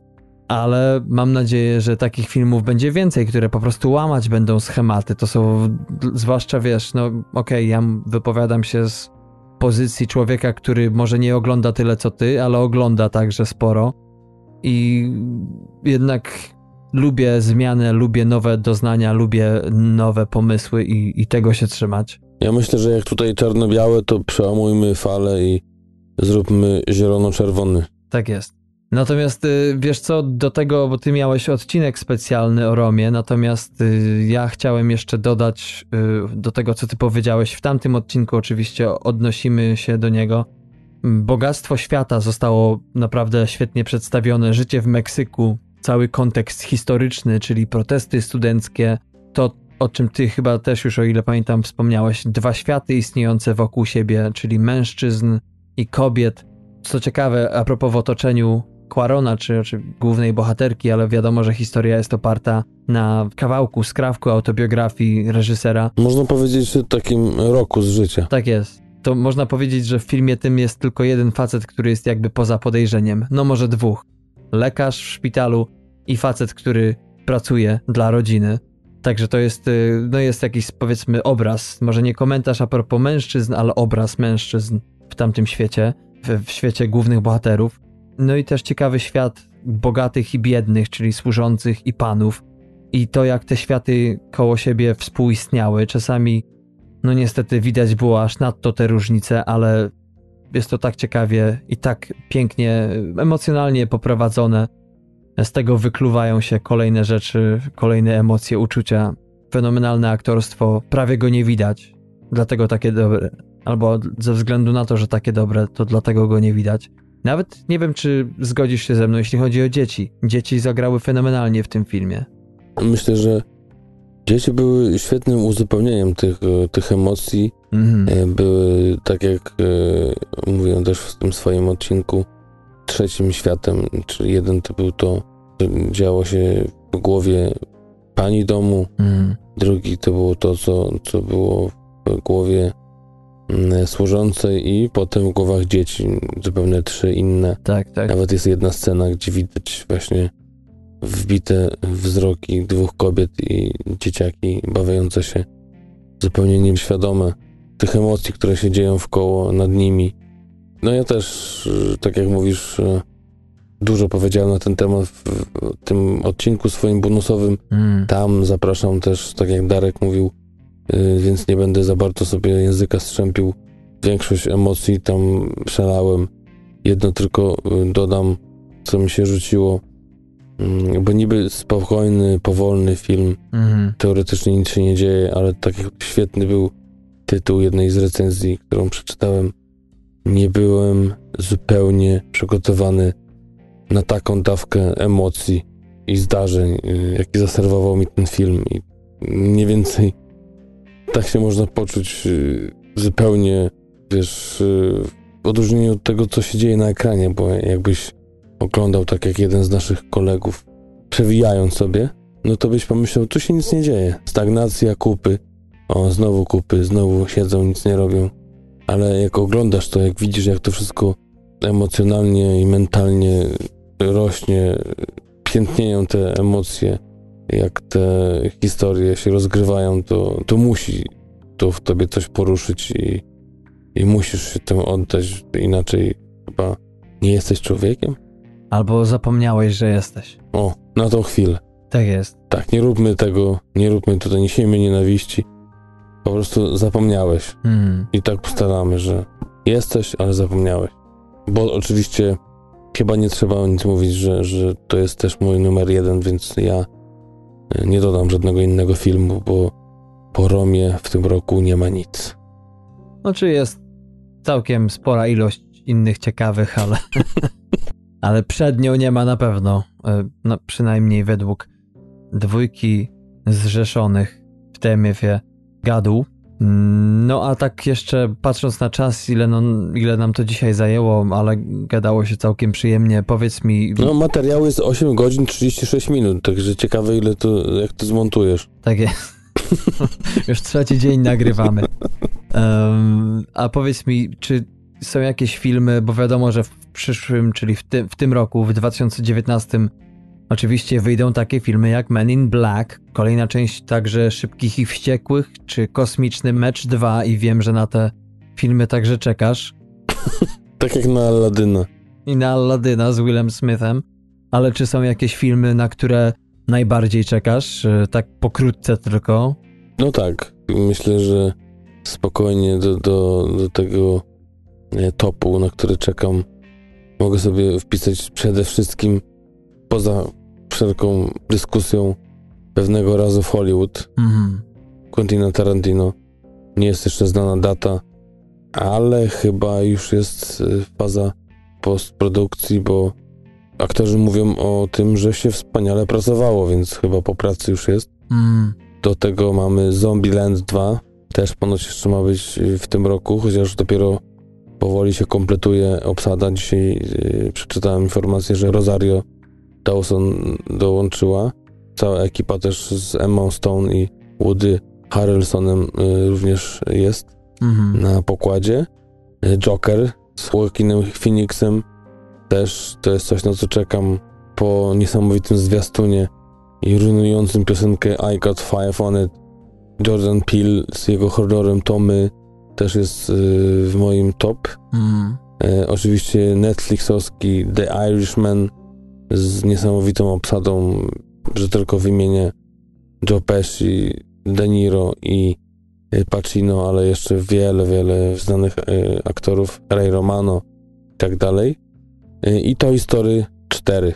To jest to, to i, i, tylko dodam jedną taką rzecz, co może nie tyle, że bardzo czekam, co mhm. zawsze mam nadzieję, trzymam kciuki, że coś wyjdzie z ekranizacji prozy Kinga jest mentor dla zwierzaków, ale dużo sobie nie. Tak, tak. Nie obiecuję po tym, bo po co? Lepiej się pozytywnie rozczarować. No widzisz, powiem ci, że tą listą pokryłeś się w zasadzie ze mną. Ja mogę tylko dodać e, także Króla Lwa, czyli w końcu wersję CGI. A też myślałem o tym. No, nie wiem czy w końcu, ale no ciekawie będzie zobaczyć po wielu, wielu latach, powiedzmy w cudzysłowie dorosłą wersję tej historii po y, wideo, które krąży w sieci, porównuje sceny z kreskówki z, ze scenami z najnowszego wychodzącego w tym roku filmu. Będzie to fajne odświeżenie, przynajmniej tak się wydaje, oryginału. Ale jeszcze dodam tylko jeden film do tego, co, o czym powiedziałeś. Mhm. Ad Astra, czyli powrót do współpracy Jamesa Greya, pana od zaginionego miasta Z, który będzie opowiadał o synu, który wyrusza w kosmos w poszukiwaniu swojego ojca. W tym filmie zobaczymy Brada Pitta, Tommy Lee Jonesa czy Donalda Sutherlanda. I to w zasadzie chyba domyka tę listę tego. Mam nadzieję, że oczywiście, jak zwykle, po Sundance i nie tylko, okaże się, że jest sporo smakowitych produkcji, o których jeszcze nie usłyszeliśmy czy zapomnieliśmy, a okażą się strzałem w dziesiątkę zamiast e, strzałem w przysłowiowe kolano. I trzymamy kciuki za ten 2019 rok, żeby był lepszy, y, żeby te kino mainstreamowe też ruszyło się z poziomem w górę. Tak jest. A nie tylko, żeby trzeba było musieć grzebać w tych małych produkcjach, żeby wynajdować perełki, mm. bo my oczywiście perełki zawsze znajdziemy, zawsze wam polecimy. I tak jak widzicie, dzisiaj też dużo małych filmów, polecamy je wszystkie. Oby ten rozpoczynający się rok był lepszy, chociaż Glass, na który wszyscy czekali w styczniu, mm. ponoć troszeczkę rozbija się w pierwszej scenie. No widzisz. No, ale tak to bywa. Pies się topi, a łańcuch pływa. I to tyle ze staropolskości w dzisiejszym odcinku. Już widzę tą minę, którą robisz, więc się cicho Pozwalam, żeby ten y, genialny żart wybrzmiał. Dziękuję. A wy, kochani, co tam u was y, piszczy a propos najlepszych filmów roku? Zgadzacie się z nami, nie zgadzacie? Macie coś, czego nie uwzględniliśmy, a powinniśmy byli? Zawsze możecie do nas napisać, czy to na Twitterze, czy to na Facebooku w prywatnej wiadomości, albo komentując post. Nie musicie się z tym kryć. Nie jesteście sami. A nie, że zapiszecie na kartce i o, napiszę, ale im nie, nie wyślę im. No. No bez sensu zupełnie.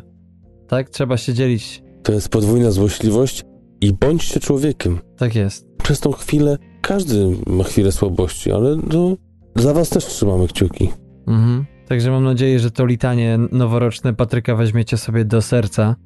Ale serio, serio, podzielcie się waszymi uwagami, co wam ślina na język przyniesie. No może nie pierwszy z brzegu, ale jak przemyślicie sobie sprawę, to napiszcie do nas. Na Twitterze, na Instagramie, na Facebooku, czy też na naszej stronie domowej na WordPressie. Tarku, wymień cztery te strony i uciekamy zaraz.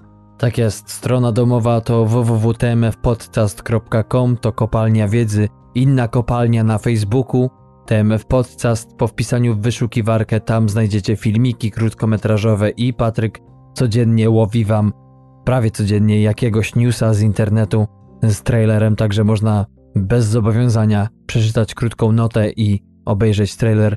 Instagram tak samo jak Facebook, TMF Podcast i Twitter, TMF dolny podkreślnik podcast. Dużo informacji, ale trzeba, bo co odcinek dochodzą do nas nowi słuchacze, więc gwoli ścisłości lubimy się przypominać, kochani.